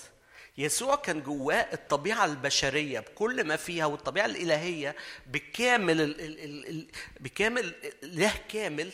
الاتنين in total harmony مع بعض. بمت... مش بامتزاج لكن بانسجام كامل. هو إنسان هو إنسان. بيجوع آه بيجوع. بيعطش بيعطش. بينام بينام. بيحس بوحدة بيحس بوحدة. بيحس باكتئاب بيحس باكتئاب. بيحزن بيحزن. بيفرح بيفرح. بيرقص بيرقص. هو إنسان بكل معاني الكلمة بكل المشاعر الإنسانية بكل احتياجات. بيجوع آه بيجوع. بيتضرب بيتضرب. بيتف عليه بيتف عليه بيتجلد بيتجلد. بينزف بينزف. بيصوت وهو بيتضرب بيصوت وهو بيتضرب. أنتوا معايا؟ انسان عادي خالص. بيحس بحد خانه بيحس بحد مات بيحزن عليه بي... انسان طبيعي جدا جدا جدا. والإنسان الطبيعي ده انت هو هو الله في نفس الوقت. والاثنين in total harmony مكنة جديدة. مكنة جديدة ما اتوجدتش قبل كده. prototype لحاجة جديدة. prototype لنوعية جديدة من البشرية. وبعدين يسوع شال كل الحاجات الإنسانية اللي اتحطت فيه دي واتحد بكل الجنس البشري لأن هو أزلي بروح أزلي اتحد بكل الجنس البشري لأن هو دي كلمة روح أزلي. فهو اتحد بآدم من أول الخليقة لغاية آخر إنسان في الخليقة. اتحد بكل ده بكل اللي البشر يعدوا فيه. اتحد بالمشاكل بتاعة البنات في مصر. اتحد بمشاكل السود في أمريكا. اتحد بمشاكل الهنود الحمر. اتحد بمشاكل المصريين. اتحد بالكنيسة المضطهدة. اتحد اتحد بكل حد اتبهدل. فهو شاف كل ده واتحد بكل ده لما نزل يتحد في الأرض. فهو ده اللي نزل بروح أزلي. وخد كل ده وراح بيه على الصليب. وفي الصليب حصل حكم موت على كل اللي في البشر دوت.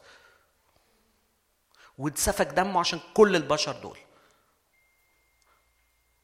ونزل تحت سلطان إبليس نزل الهوية وبهدل إبليس تحت. وجرده من كل اللي هو بيملكه وكل اللي هو خده وكل الحقوق اللي هو خدها من سقوط الإنسان وكل الحقوق اللي خدها بسبب خطية الإنسان وكل الحقوق اللي خدها بسبب خطية آدم وكل السكوك اللي خدها وكل المديونية اللي على البشر خدها كل ده وصعد ولما صعد بعد ثلاث ولما قام بعد ثلاث أيام هو قام prototype لجنس بشري جديد. كل اللي عدى في الصليب اتفلتر. كل المرض عدى في الصليب اتفلتر.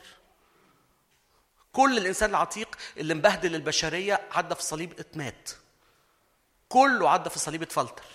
وعدى من الناحية الثانية قام إنسان جديد. والإنسان الجديد ده صار بكر لإخوة كثيرين. يعني إيه بكر لإخوة كثيرين؟ يعني هو الأول في الموديل ده هو الموديل الأول هو ال prototype.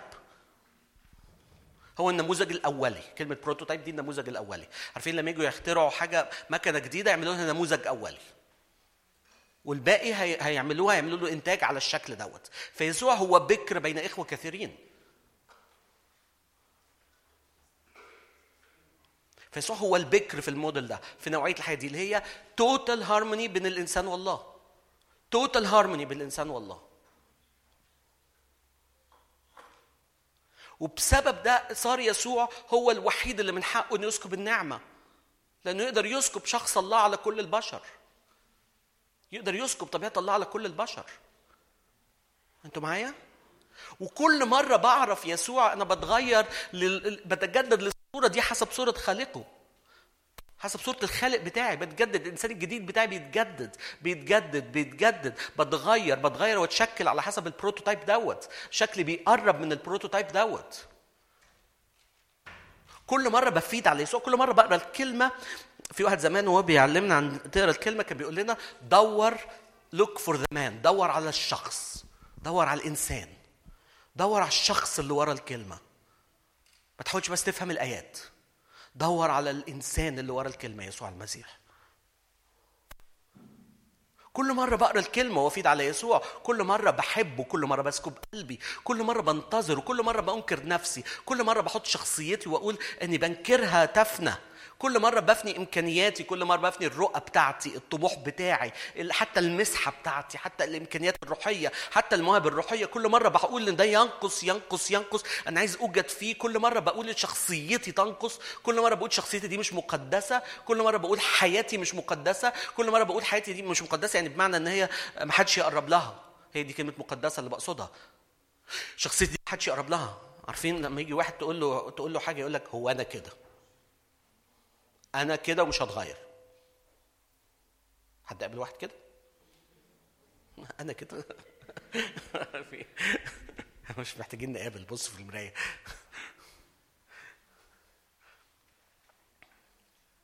شخصيتي دي مش مقدسة مش حاجة ما, ما كل مرة بقول الجملة دي ده بفتح الطريق لشخصية يسوع إن هي تنسكب. كل مرة بقول زي يوحنا أنا عايز أنقص أنقص أنقص. يوحنا ضحى برؤية عمره يوحنا المعمدان. دي ما كانتش حاجة سهلة. يوحنا المعمدان قعد يتجهز. عشان النهضة دي قعد يتجهز قد إيه؟ قعد يتجهز حاجة و20 سنة. يوحنا خدم سنة ونص قبل ظهور يسوع وهو كان أكبر من يسوع بكذا شهر. فيوحنا قعد يتجهز حاجة و20 سنة. عشان يخدم سنة ونص وفي الآخر يرميهم وينقصوا. كم واحد يقدر يقول أنا هدي يسوع رؤيتي ونهضتي ومسحتي؟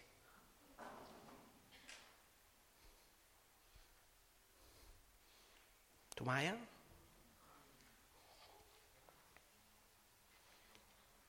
الشخص ده بيتحول إن هو شخص حقيقي. كل ما معرفة الله موضوع معرفة الله إني أعرف هذا الشخص أعرف إنسان. أعرف الشخص ده هو مين شخصيته إيه حاسس بإيه دلوقتي شايف إيه دلوقتي. إني عايز أبقى شبهه. مش بس عايز أبقى شبهه عايز أبقى جزء منه. عايز لما أتكلم الكلمات يبقى ليها تأثيره هو. عايز لما أحضن الحضن يبقى ليه تأثيره هو؟ عايز لما أحب المحبة يبقى ليها تأثيره هو؟ عايز لما أصلي صل... الناس تتقابل معاه هو؟ أنتوا معايا؟ في شخص حقيقي اسمه يسوع. كل مرة هو بياخد أنتوا ده الوقت اللي بينسكب فيه النعمة. كل مرة بياخد فرصته في حياتي دي النعمة. من ملئه باخد نعمة فوق نعمة. من ملئه باخد نعمة ثلاث مرات نعمة خمس مرات نعمة عشر مرات. حتى الشفاء إيه الشفاء الشفاء لأن يسوع قام. لأن يسوع كسر كسر المرض حمل المرض وكسره في الصليب وقام بجسد صح صاحي وصحيح مية في المية. حتى الشفاء هو انسكاب للجسد بتاع يسوع دوت. تأثير يسوع على أجساد الناس. هو ده الشفاء انت عايز الرب يستخدمك في الشفاء كم واحد عايز الرب يستخدمه في الشفاء الحل هو معرفة الله معرفة يسوع. كل ما بتكبر في معرفة يسوع كل ما الرب بيستخدمك في الشفاء عايز تبقى معلم؟ عايز تبقى حكيم؟ الحكمة هي يسوع. فيسوع صار من الله صار حكمة الله لينا. عايز تبقى مقدس؟ يسوع صار قداسة لينا.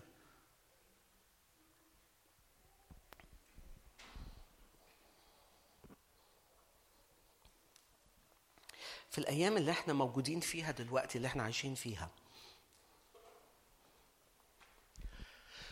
السؤال الكبير قوي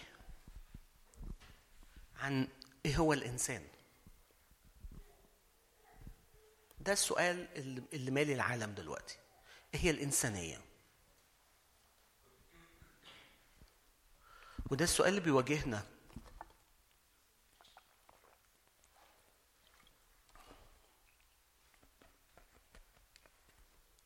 ده السؤال اللي بيواجهنا وإحنا بنعدي بأوقات صعبة نفسيا. وإحنا بنعدي بأوقات وحدة وإحنا بنعدي بأوقات مجروحين وإحنا بنعدي بأوقات إحنا إحنا غالبا أكتر جيل على قد ما أنا شايف يعني أكتر جيل عدى عليه بيعدي بمشاكل نفسية. بتكلم على جيل دوت مش بتكلم على سن بتكلم على فترة زمنية شباك من الزمن. إحنا الناس اللي عايشة دلوقتي هم أكتر ناس متكحرته طبعا دي مش كلمة وعظيه بس هي مفيش حاجة وعظية بتقول كده أكتر ناس مخبوطة أكتر ناس حياتها يعني إحنا العالم كله أكتر وقت بنعدي فيه. بألم نفسي وأكتر وقت إحنا بنحاول ن define هي إيه ال humanity. وشكل الإنسانية المظبوط شكله عامل إزاي أكتر وقت إحنا يسوع هو الوحيد اللي بيقدم النموذج وال prototype لل humanity للإنسانية الإنسانية الصحيحة.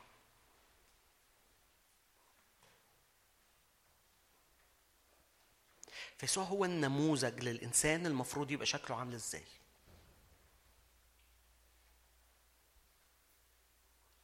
كشخصية كتعامل صحة نفسية صحة جسدية صحة روحية.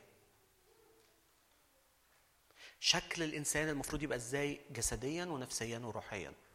هو ده يسوع. وفي الوقت اللي الإنسانية فيه كلها مخبوطة ده الوقت اللي إحنا محتاجين فيه نبتدي نعرف الإنسان يسوع المسيح ونبتدي نقدم الإنسانية بتاعت يسوع وإن يسوع يستعلن فينا. هو ده رومية 8 إن انتظار الخليقه بيتوقع استعلان أبناء الله. هو بيشوف الناس اللي عايشة ورا يسوع. الناس اللي عايشة بطريقة يسوع. رومية 8 بعد ما بيقول ان انتظار الخليقه يتوقع استعلان أبناء الله لا وبعد كده بيكمل ويقول إن أنا لا أعلم إنه كل أشياء تعمل معا للخير الذين هم يحبون الله الذين هم مدعون حسب قصده لأن الذين سبق فدعاهم سبق أنا بألف الآية بحاول أجيب الآية شبهها كده فجون ما ما تصغر يعني معايا استحملني. لأن دول اللي عينهم ليكونوا مشابهين صورة ابنه ليكون هو بكر بين إخوة كثيرين. فهي ده ده تسلسل الآية إن كل الأشياء اللي بتعمل بتعمل للخير لأنه الناس اللي هو دعاهم قدسهم الناس دي اللي دعاهم خصصهم قدسهم لأن دول المدعوين عشان يكونوا مشابهين صورة ابنه ليكون هو بكر بين إخوة كثيرين هم دول بتوع رومية 8 ال prototype ده لما يتكاثر في مؤمنين كتير ال prototype بتاع يسوع لما يتحقق في بيتر لما يتحقق في ستيفان يتحقق في جون يتحقق في يتحقق في سامر يتحقق في كل واحد فينا باسمه ال prototype هو ده انتظار الخليقة. الناس اللي عارفة يسوع. الناس اللي مليانة بيسوع هم دول اللي هيديفاينوا الإنسانية.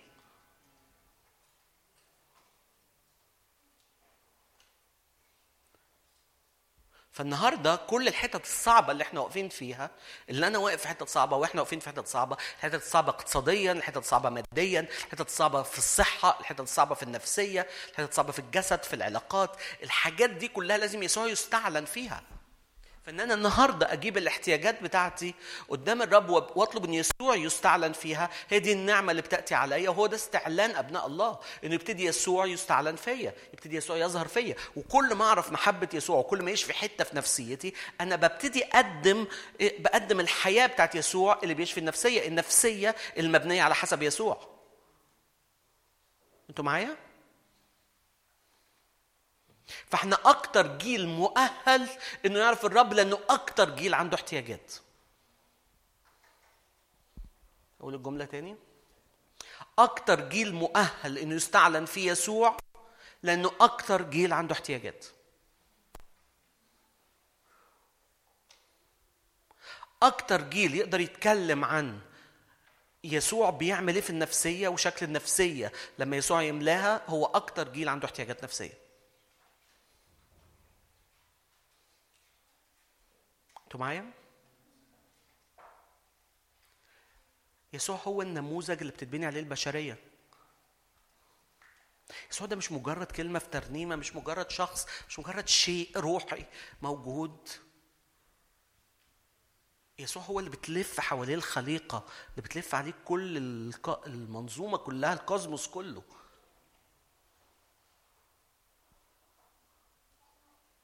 هو الموضوع. وإحنا النهارده إحنا الوحيدين المؤهلين ان هو يتجسد فينا. إحنا الوحيدين المؤهلين ان إحنا ناكله. وهو بيقول لنا كده. لازم تتغذوا عليا. لأن هو ده الخبز اللي الآب authorized هو ده الخبز اللي الآب ختمه للبشرية. فالآب بص كده احتياج البشرية خدوا الخبز ده. ده اللي الآب قاله. I authorize أنا أنا أنت قلت الترجمة إيه بتاعت authorize ده ده الخبز اللي جاي من السماء المعتمد من السماء. ده اللي الأب ده اللي يسوع بيقوله وده اللي الأب بيقوله. ده الخبز المعتمد من السماء للأرض ده الخبز المعتمد من السماء للكوفيد ده الخبز المعتمد من السماء للامراض النفسية ده الخبز المعتمد من السماء لأوبئة وأمراض وخطايا ده الخبز الم- المعتمد من السماء لانحراف الثقافة ده الخبز اللي معتمد من السماء لأجل الصراعات العرقية ده الخبز اللي معتمد من السماء لأجل الصراعات ما بين الرجاله والستات والجندرز ده الخبز اللي معتمد من السماء لأجل الخطايا والقيود ده الخبز اللي معتمد من السماء. ده الأنسر اللي الآب بعتها ده الأنسر اللي الآب اعتمدها يسوع. وال- واللي يسوع هي... واللي هياكل يسوع هيحيا بيه. أنتوا معايا؟ الموضوع كله مور. موضوع إنه يسوع عايز يعمل الناس ال more. روح القدس عايز يعمل الناس ال more. هو ده الموضوع. آمين؟ فنفسي النهارده نصلي صلوة واحدة. more. more. more منك و less مني. more more منك و less مني. كل ما بتكبر كل ما الحياة بتبقى أصعب إن أنت تقول لس مني. كل ما الحياة بتتعقد وتقول لس مني دي صعبة. كل ما تبقى عندك احتياجات وتقول لس من الاحتياجات دي صعبة.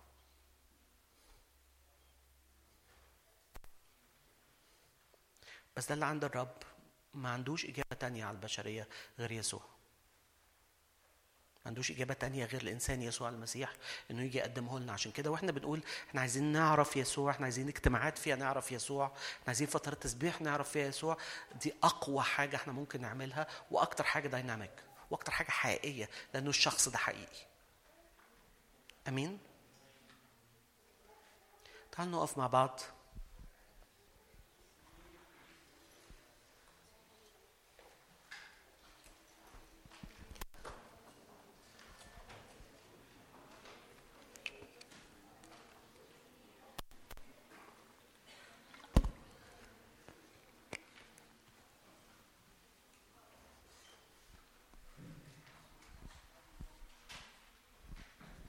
تعالوا نطلب الشخص ده. تعال نطلب الإنسان يسوع المسيح.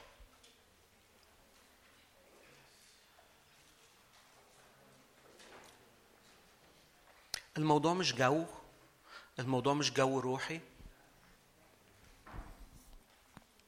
الموضوع هو شخص.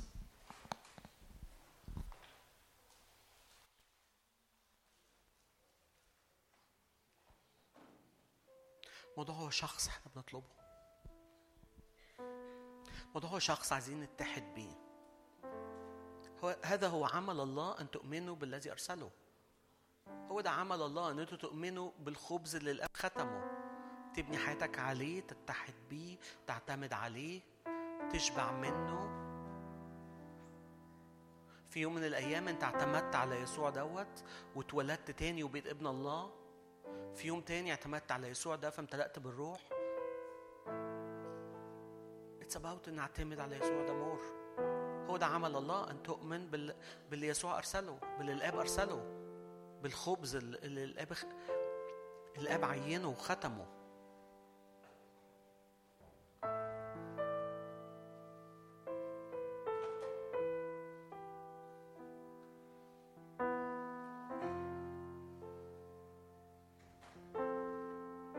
يسوع أنا جاي بتحد بإخواتي النهارده بقول لك تعالى step in حياتي.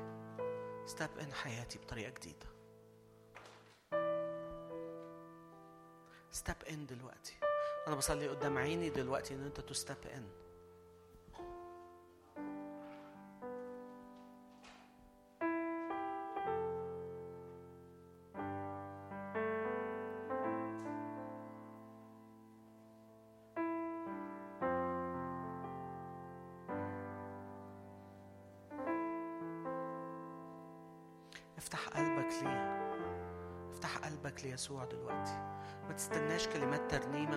تستناش صلوة.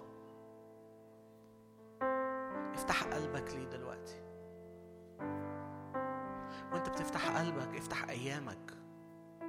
افتح أفكارك. افتح نفسيتك افتح مشاعرك افتح جسدك افتح مادياتك.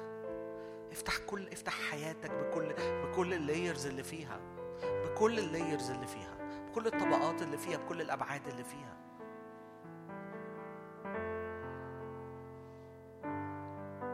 مستقبلك وافتح ماضيك افتح اللي عديت فيه الحاجات الصعبة اللي عديت فيها. افتح اللي هتعدي فيه السنين الجاية.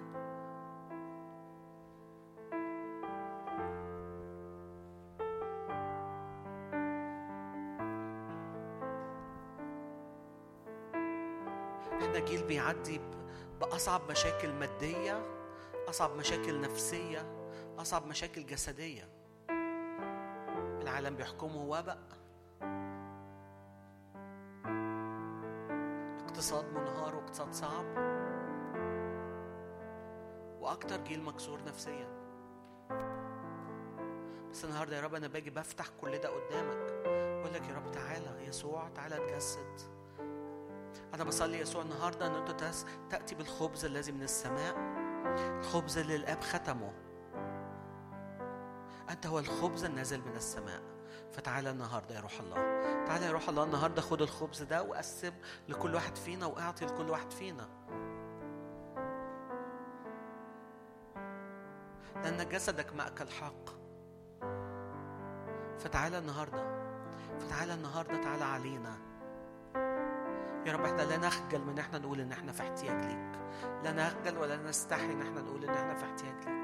فتعالى يا روح الله تعالى يا روح الله خد من يسوع واسكب علينا دلوقتي.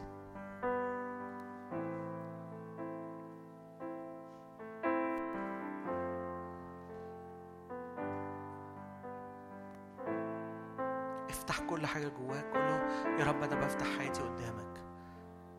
يسوع ستيب ان أنت الممسوح من الله لأجل البشر أنت الممسوح من الله لأجل حياتي أنت الممسوح من الله عشان تحل مشاكل حياتي أنت ممسوح من الله عشان تحل مشكلة البشرية. أنت الممسوح من الله لأجل نفسيات وأجساد وأرواح البشرية. أنت الممسوح من الله لأجل الدستني بتاع البشرية لأجل مصير البشرية لأجل مصير كل إنسان. أنت الممسوح من الله لأجل مصير الأمم. أنت الممسوح من الله فيسوع تعالى النهارده.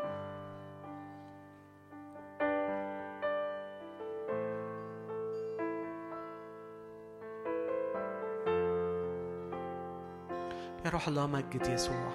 مجد يسوع أمام اعيننا النهارده. مجد يسوع أمام اعيننا اشهد عن يسوع النهارده لكل واحد.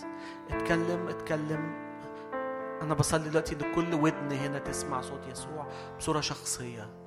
كل ودن تسمع يسوع بصورة شخصية. تسمع كلمة منه.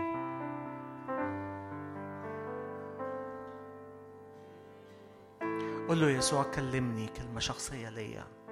اهمس في ودني بكلمة شخصية.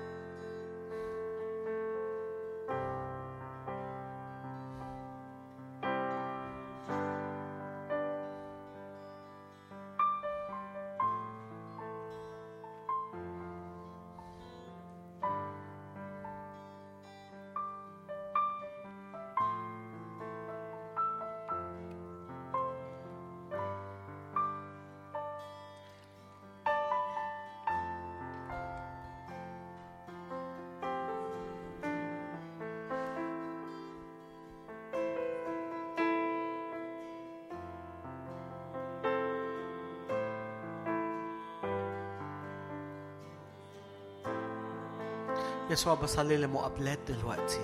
لكل واحد موجود في القاعة هنا مقابلات تغير الدي إن إيه بتاعنا تغير التركيبة بتاعتنا.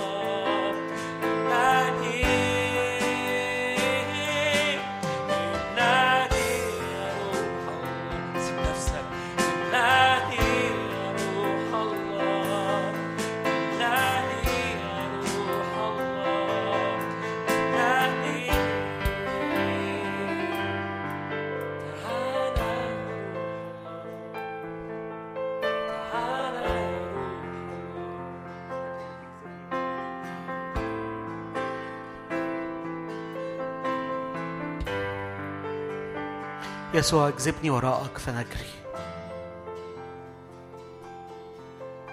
لأنه انسكبت النعمة على شفتيك. أنت أبرع جمالا من كل بني البشر. انسكبت النعمة على شفتيك. يسوع تعالى اجذبني وراك. أنا بصلي لكل واحد فينا هنا إنه يدخل في الطريق دوت ويدخل في سكة المور ديت. السكة اللي فيها يتاخد. إن كل يوم يشوف يسوع بصورة جديدة ويعطش ليسوع بصورة جديدة.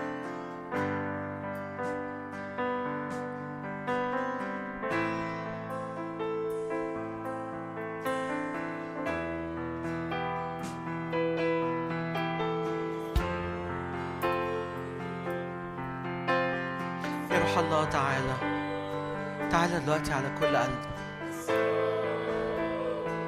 خد كل يسوع. خد كل قلب ورا يسوع النهارده.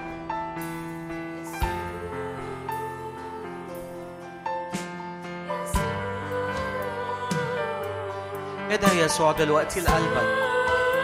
ادعي يسوع لقلبك دلوقتي.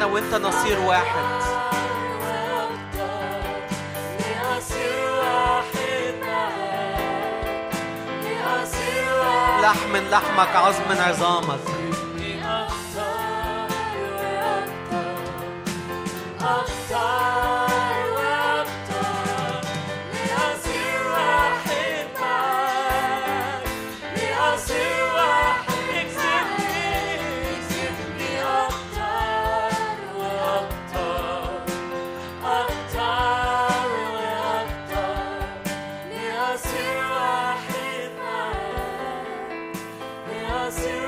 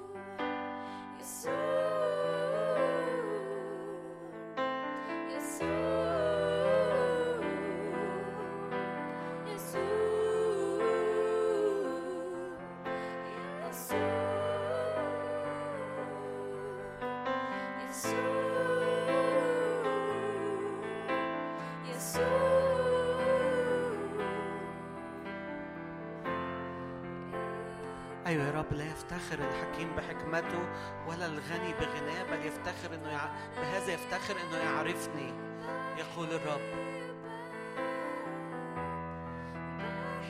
إنه كل الحكمة والغنى ينقصوا كل المسحة والإنجاز وال...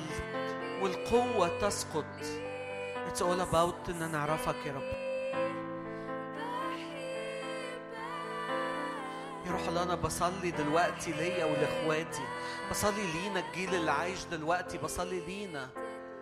ان تسكب محبة ما تسكب محبة في قلوبنا. تشعل قلوبنا لمعرفه يسوع. تشعل تشعل قلوبنا لمحبة يسوع لطلب يسوع. اسكب الجوع والعطش ده جوانا. اسكب جوع وعطش لا يشبع. جوع وعطش دايما بيصرخ مور جوع وعطش دايما بيصرخ مور. أنسى كل اللي اختبرته. أسعى لأمر واحد إن أعرفه.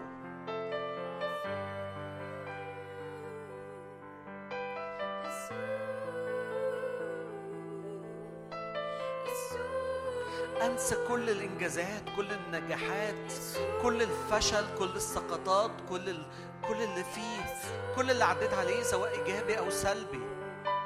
والنهاردة أسعى لأمر واحد لأعرفك وقوة قيامتك وشركة ألامك. متشبها بموتك لعلي أبلغ إلى قيامة الأموات.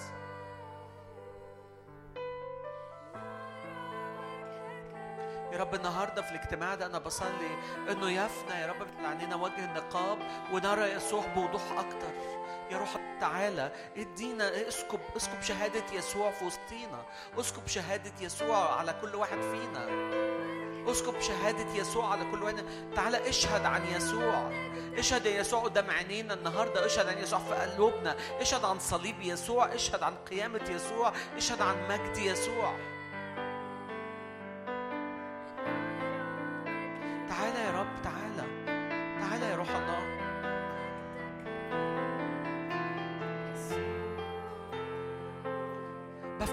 حياتي وحياة إخواتي ليك النهارده. أقول لك يسوع تعالى خطي في حياتي. step in في حياتي النهارده. step in step in في وقت الصلاة دلوقتي. قدام عيني. أنا بصلي. تخ- تقرب مني.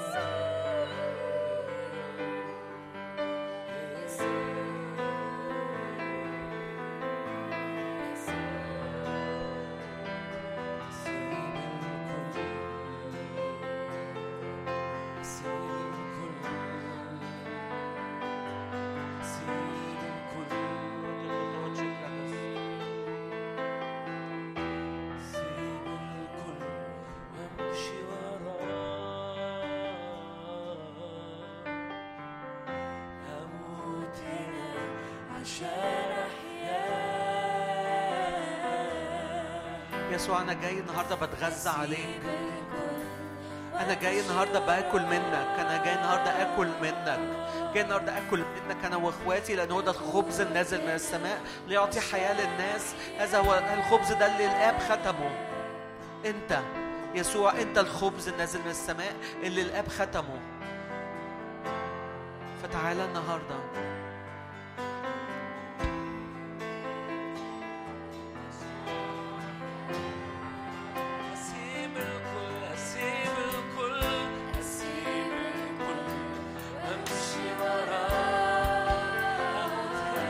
اسكب جوع اسكب جوع وعطش ياخدنا للأبدية. يفضل مستمر لغاية الأبدية. يفضل مستمر من هنا للأبد. ياخدنا للأبدية يشدنا للأبدية.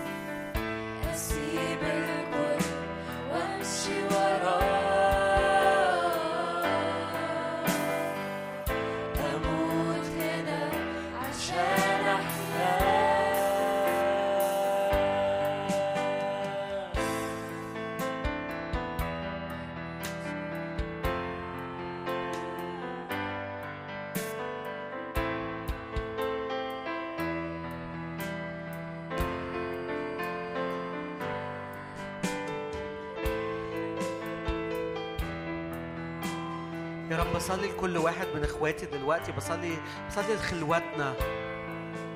تعالوا نصلي لخلواتنا تعالوا نصلي الاوقات الشخصية بتاعتنا مع الرب كل يوم. صلي الوقت دوت الوقت اللي أنت بتقعده قدام الرب كل يوم. صلي لمقابلات صلي إنه النهارده وأنت مروح إن أنت تدخل أوضتك تلاقي يسوع مستنيك.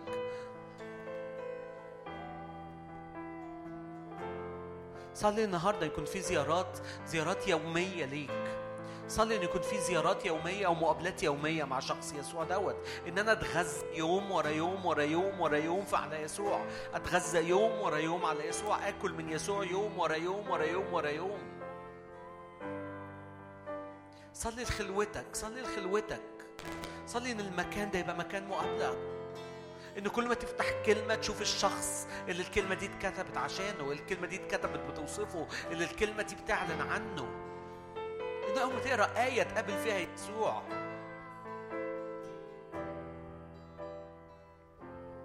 صلي معايا لخلوتك لأن هو ده المكان اللي تتغذى منه كل يوم.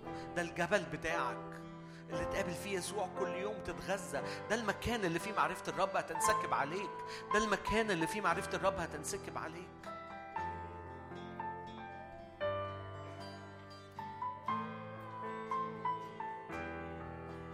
يا رب أنا بصلي لإخواتي النهارده بصلي لخلواتهم. بصلي يا روح الله إن الخلوات دي تشهد فيها عن يسوع. بصلي لشهادة يسوع إن هي تنسكب بصلي لرؤية يسوع رؤية العرش رؤية رؤية الآب رؤية الابن. يا رب صلي معرفتك يا رب تبقى غنية. صلي معرفتك تبقى غنية في كل واحد فينا. معرفتك تبقى غنية في كل قلب. معرفتك تبقى غنية في كل قلب. إن يجي الوقت اللي محدش يعلم أخاه قائلا أعرف الرب اللي تكتب فينا وميسك على قلوبنا. لن يعلم أحد أخاه قائلا أعرف الرب لأن الجميع سيعرفونني من كبيرهم لصغيرهم أنا بصلي يا رب للوقت دوت الجميع يعرفك.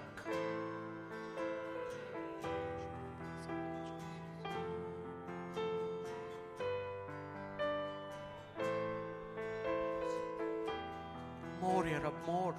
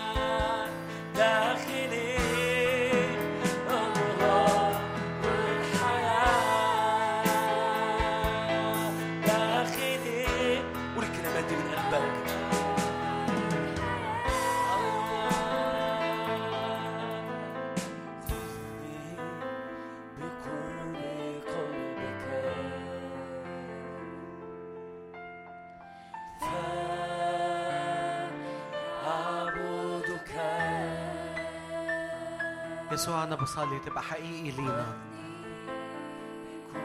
حقيقي لكل واحد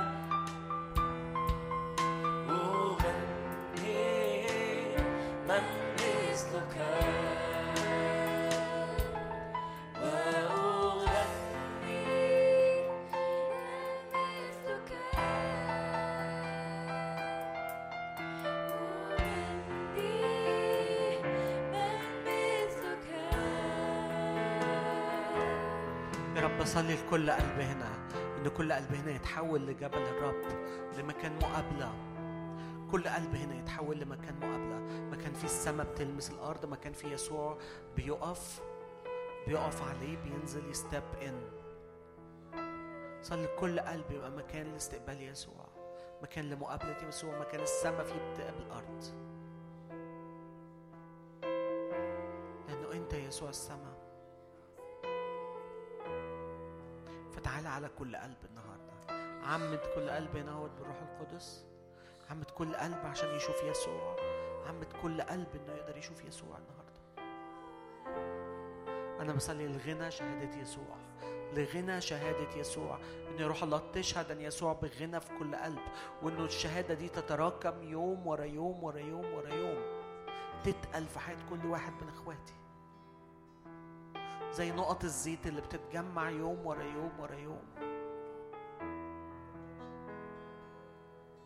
شهادة يسوع تتقل تتراكم في حياتنا حضور يسوع يتقل ويتراكم في حياتنا. حياتنا غنية بالحضور؟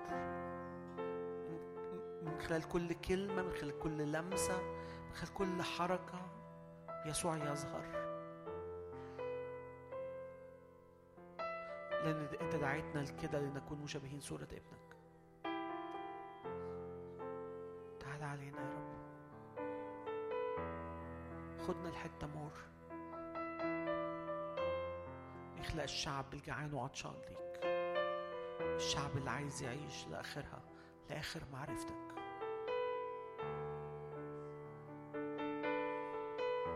لنوجد فيك يا رب لنغرق فيك. بصلي إن أنا أوجد فيك النهارده. إني أوجد فيك. أوجد فيك.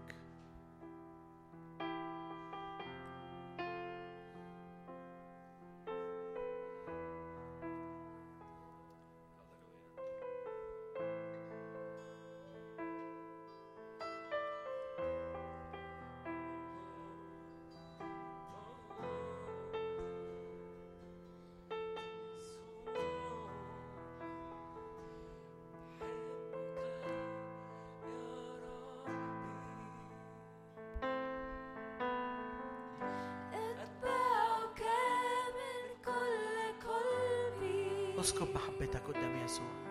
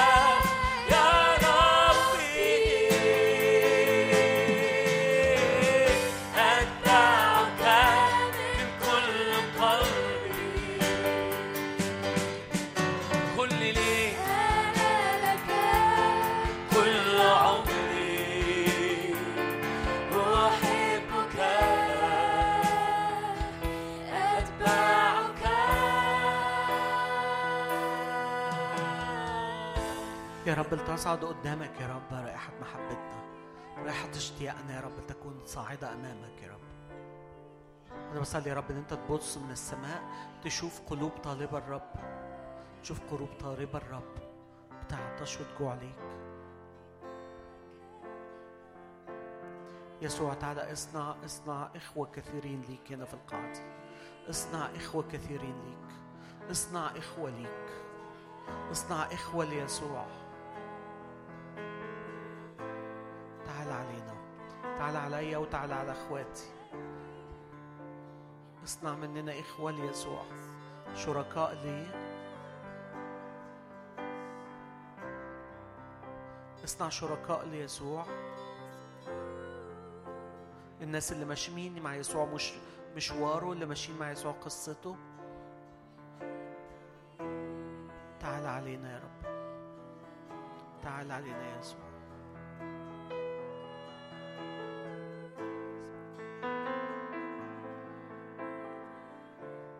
يا رب لتكن إيدك على كل واحد يا رب.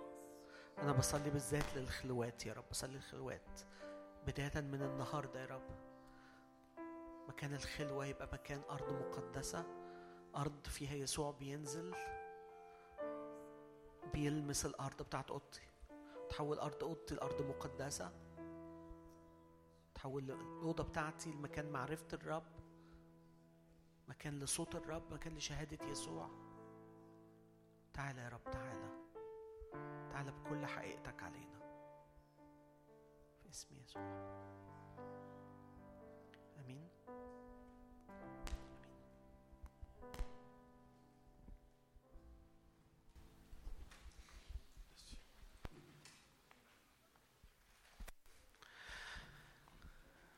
مين جعان؟ أنتوا جعانين صح؟ طيب أنا عندي آه، عندي إعلانين بس ثلاثة كده عايز أقولهم قبل ما نطلع الغدا. آه بليس يا مجدي بجد. يس أنا بجد مستمتع قوي في المؤتمر ده لأنه مش عارف أنتوا واخدين بالكم ولا لأ بس هو المؤتمر كله عن حاجة واحدة. إحنا كلنا جايين نقول نفس الحاجة. وجايين نسبند الوقت ده عشان أغلى حاجة. آه مفيش أغلى من إعلان يسوع في وسطينا. بجد. ومفيش أغلى من استعلان يسوع في كل واحد فيكم.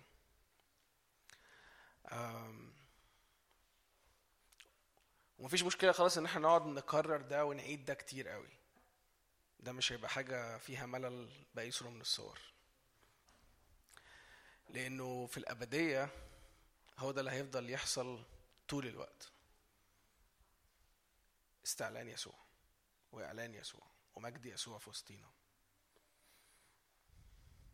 فلو أنت بعد المؤتمر ده يعني لسه مستغرب اللي بيحصل وكنت جاي متوقع إنه هنكون مؤتمر بقى fire هو fire هو fire لأنه اللي في وسطينا هو اللي عامل كده. يمكن مش بالشكل اللي انت متعود عليه يمكن مش بالتوقع اللي انت متخيله لكن في الهدوء وفي السكينة يسوع بيعلن عن نفسه. نفسي وصلاتي قوي إن كل حد فينا آه، بعد المؤتمر ده يكون أدرك إدراك جديد عن تقضية الوقت قدام يسوع وعن شكل تقضية الوقت قدام يسوع. دي صلاتي وده شوق قلبي. خليني أقول سريعا الإعلانات اللي عندي. إحنا بكرة في اجتماع فبكرة الحد فإحنا في اجتماع والاجتماع قائم. ف ده رقم واحد. رقم اتنين يوم 26 ديسمبر هنكون بنحتفل مع بعض بنهاية السنة وبداية السنة الجديدة. فعايز أشجعكم وأدعوكم وأعزمكم إن أنتوا تيجوا الاحتفال دوا. إحنا دلوقتي هنكون بنطلع ناخد وقت الغدا بتاعنا. الساعة 3 بالظبط هيكون الغدا. الساعة 4 بالظبط هنرجع القاعة. هيبقى عندنا فرصة أخيرة نتقابل مع بعض. عايز أشجعكم إنه كملوا في نفس الخط اللي إحنا فيه كملوا في نفس اللي إحنا فيه. إحنا في حالة مقابلة مع يسوع. المقابلة دي لسه ما خلصتش ومش هتخلص حتى برجوعك للبيت فحتى وأنت قاعد دلوقتي زي ما أنا كنت بقول لكم امبارح حتى وأنت بتتعشى حتى وأنت بتتغدى قضي الوقت ده بإدراك إن يسوع اللي فيك حي جدا. قضي الوقت ده كما يليق ببكر. زي ما كان مجدي بيقول هو بكر وسط إخوة كثيرين إحنا كنيسة أبكار. okay. في حاجة أخيرة عايز ميشو يجي يعلن عنها قبل ما نطلع. هي حاجة مشجعة. وميشو دايما عنده أخبار مشجعة. أنا عايز أسأل سؤال. كم حد هنا حصل معاه معجزة حقيقية أو حس بحاجة بنقلة مختلفة في المؤتمر؟ نفسية روحية جسدية. في نقلة تاني بقى مادية حصلت. إحنا لغاية امبارح تكلفة ال- المؤتمر البيت والتفاصيل حوالي سبعين ألف جنيه. قعدنا نلم ونجمع ونجيب من هنا ومن هنا. اكتشفنا لغاية امبارح بالليل معانا تقريبا 26000 والباقي مش عارف هنجيبه منين. وكان كل اللي جوانا إني في العادي إني يا رب أنت هتبعت. ففي العادي بنحط بوكس هنا وبنقول يا رب أنت هتبعت ومصدقين. بس الغريبة امبارح يعني ده بيحصل دايما في المؤتمرات بتاعتنا أو امبارح الغريبة إني ربنا كان بيقول لنا لأ هو هيسدد. هو هو هيسدد مش بالشكل التقليدي مش قصدي إن دي شكل تقليدي برضه عشان محدش يفهمني غلط بس قصدي دي الطريقة اللي إحنا فيها ممكن نقدر لو حد مشغول بحاجة فبيجيبها في البوكس وخلاص. وأنا معايا شنطة الشنطه اللي ورا دي اللي مع ويسلي دي. دي اللي فيها كل الفلوس. والفكرة من 26000 ل 70000 ده رقم كبير جدا. وأنا مش عارف هيحصل إيه. وحتى سامر كان بيكلمني امبارح بيقول لي أنت عديت الفلوس طب إيه الأخبار؟ قلت له ما ما أعرفش. أنا بشارككم ده لأن دي, دي معجزة. دي معجزة مش إني حاجة بنقول هي وبتاع لكن دي معجزة بتكمل معانا حتى في شكل الماديات في حياتنا في شكل الماديات في شغلنا. وأنا بتكلم أنا وسامر و بقول له ما أعرفش يعني ما يا ابني عديت الفلوس أقول له بعدين؟ وأنا ما أعرفش مش يعني هو مش المنطق حتى إني المفروض نعد الفلوس عشان نشوف إيه اللي ناقصنا وبتاع بس كل اللي جوايا إني ماليش دعوة بقى هو المؤتمر ده يا رب بتاعك وأنت المسؤول عنه. النهارده الصبح عديت الفلوس يعني أنا النهارده اتأخرت الصبح عمال أعد عديت الفلوس مثلا ثلاث أربع مرات. الفلوس دي هي مجرد ال- ال- الفلوس اللي إحنا لميناها دي هي الفلوس بتاعت الناس بتاعت المؤتمر بتاعتكم والباقي ده أنا أنا ما أعرفش بقى إيه اللي ما أعرفش جه قال لي أنا جوايا كذا. أنا ما قلتش لحد ما قلتش لحد. حتى اللي كان بيجي يسألني هو لسه في احتياج؟ أقول له لا لا لا ربنا هيسدد. أمين ما فيش حاجة ما تشغلش بالك. بعد الفلوس النهارده الصبح شلت فلوس البيت وشلت كل الفلوس الباص والحاجات دي واكتشفت إن ال 70000 جنيه خلصانين وفي فلوس زيادة. إزاي أنا بامانه لسه كنت بحكي لويسلي؟ بامانه بامانه قعدت اعد الفلوس ثلاث أربع مرات. أكيد أنا بعد غلط. فاعد تاني واحد اتنين يعني عمال اعد في الفلوس. حاسس يا رب طب هو الفلوس زادت في الشنطة؟ معرفش. أنا بتكلم بجد مش مش بهزر. ال- ال- المعجزة مش اني بس على مستوى نفسي أو على مستوى جسدي لكن على مستوى مادي على مستوى فلوس على مستوى تسديد احتياجات بحسب غناه مش بحسب إني هو يا دوبك هيجيب لنا ثمن المؤتمر وها لا هنرجع بفلوس. ودي ودي ده ده دي المعجزة اللي أنا بالنسبة لي حاسس ان هي هتكمل معانا. فأنا جوايا بس دي نصلي وإحنا قاعدين عادي إني نمجد ربنا على كل حاجة عملها في حياتنا في المؤتمر في اليومين دول في صداقتنا مع بعض زي ما كان سامر بيحكي إن إحنا نكون بنحكي مع بعض نكون بنسلم على بعض نكون بنتعرف على بعض في يسوع وإن في يسوع في المعجزة فكل احتياج مادي بيسدد بحسب غناه في المجد مش بحسب صلاحنا ولا إحنا عشان شاطرين ولا عشان إحنا معانا فلوس زيادة ولا أي حاجة. يا رب أنا بشكرك يا رب من أجل كل غنى ووفرة يا رب. أنت ماشيها معانا يا رب سكة يا رب عمال تدرب نفسياتنا وأجسادنا يا رب إن نمشي على المية. يمكن البعض مننا هنا حاسس ان الأمور المادية دي أنا عندي خط أحمر كده ما أقدرش أجي جنبها. لكن أنا إيماني إن الرب ماسك إيدينا وبيدربنا كلنا كلنا بلا استثناء. حتى اللي اللي ما عندوش مشاكل في الماديات كأن في في غنى ووفرة على القاعة كلها باسم يسوع. يا رب إيماني يا رب إني معجزات وآيات وعجائب أي حد هنا عنده احتياج مادي في البيت حتى على مستوى العيلة مش حتى على مستوى شخصي ممكن يقول لي أنا لسه بدرس وما عنديش أصلا احتياجات مادية لكن حتى على مستوى البيت على مستوى آه، ديون قروض ايا كان المسمى في فلوس عليا قول يا رب أنا بصدق زي ما حصل هنا في المؤتمر يحصل في بيتنا يحصل على بيتي يحصل على شغلي يحصل على على- لو حد هنا بي- بيصلي الشقه عشان يتجوز لو حد هنا بيصلي لبيتهم إن ينقلوا في شقة جديدة قول له يا رب بحسب غناك في المجد أنا بحط الموضوع قدامك. مش قضيتي مش مش مش إن أنا اللي هعمل حاجة لكن أنت اللي عملت أصلا بالفعل. فقد أكمل. يا رب أنا بشكرك من أجل غنى ووفرة. يا رب بنمجدك. يا رب لأنك صالح وإلى الأبد رحمتك يا رب. يا رب فعلا بنشكرك. لأن دي إعلان قوي جدا على المحبة. مش بس إن احتياج اتسدد ونقول هي ونفرح ونقول لك أنت صالح لكن يا رب دي محبة بتغني يا رب وبتقول لنا إني أنا في ظهرك أنا حواليك أنا سامعك أنا حاسس بيك أكتر ما أنت حاسس بنفسك حتى.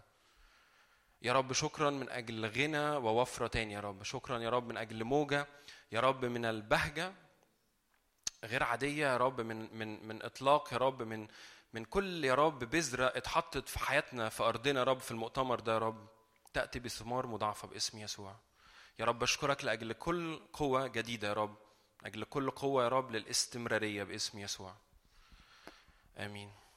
خلينا يعني ندي يد للرب.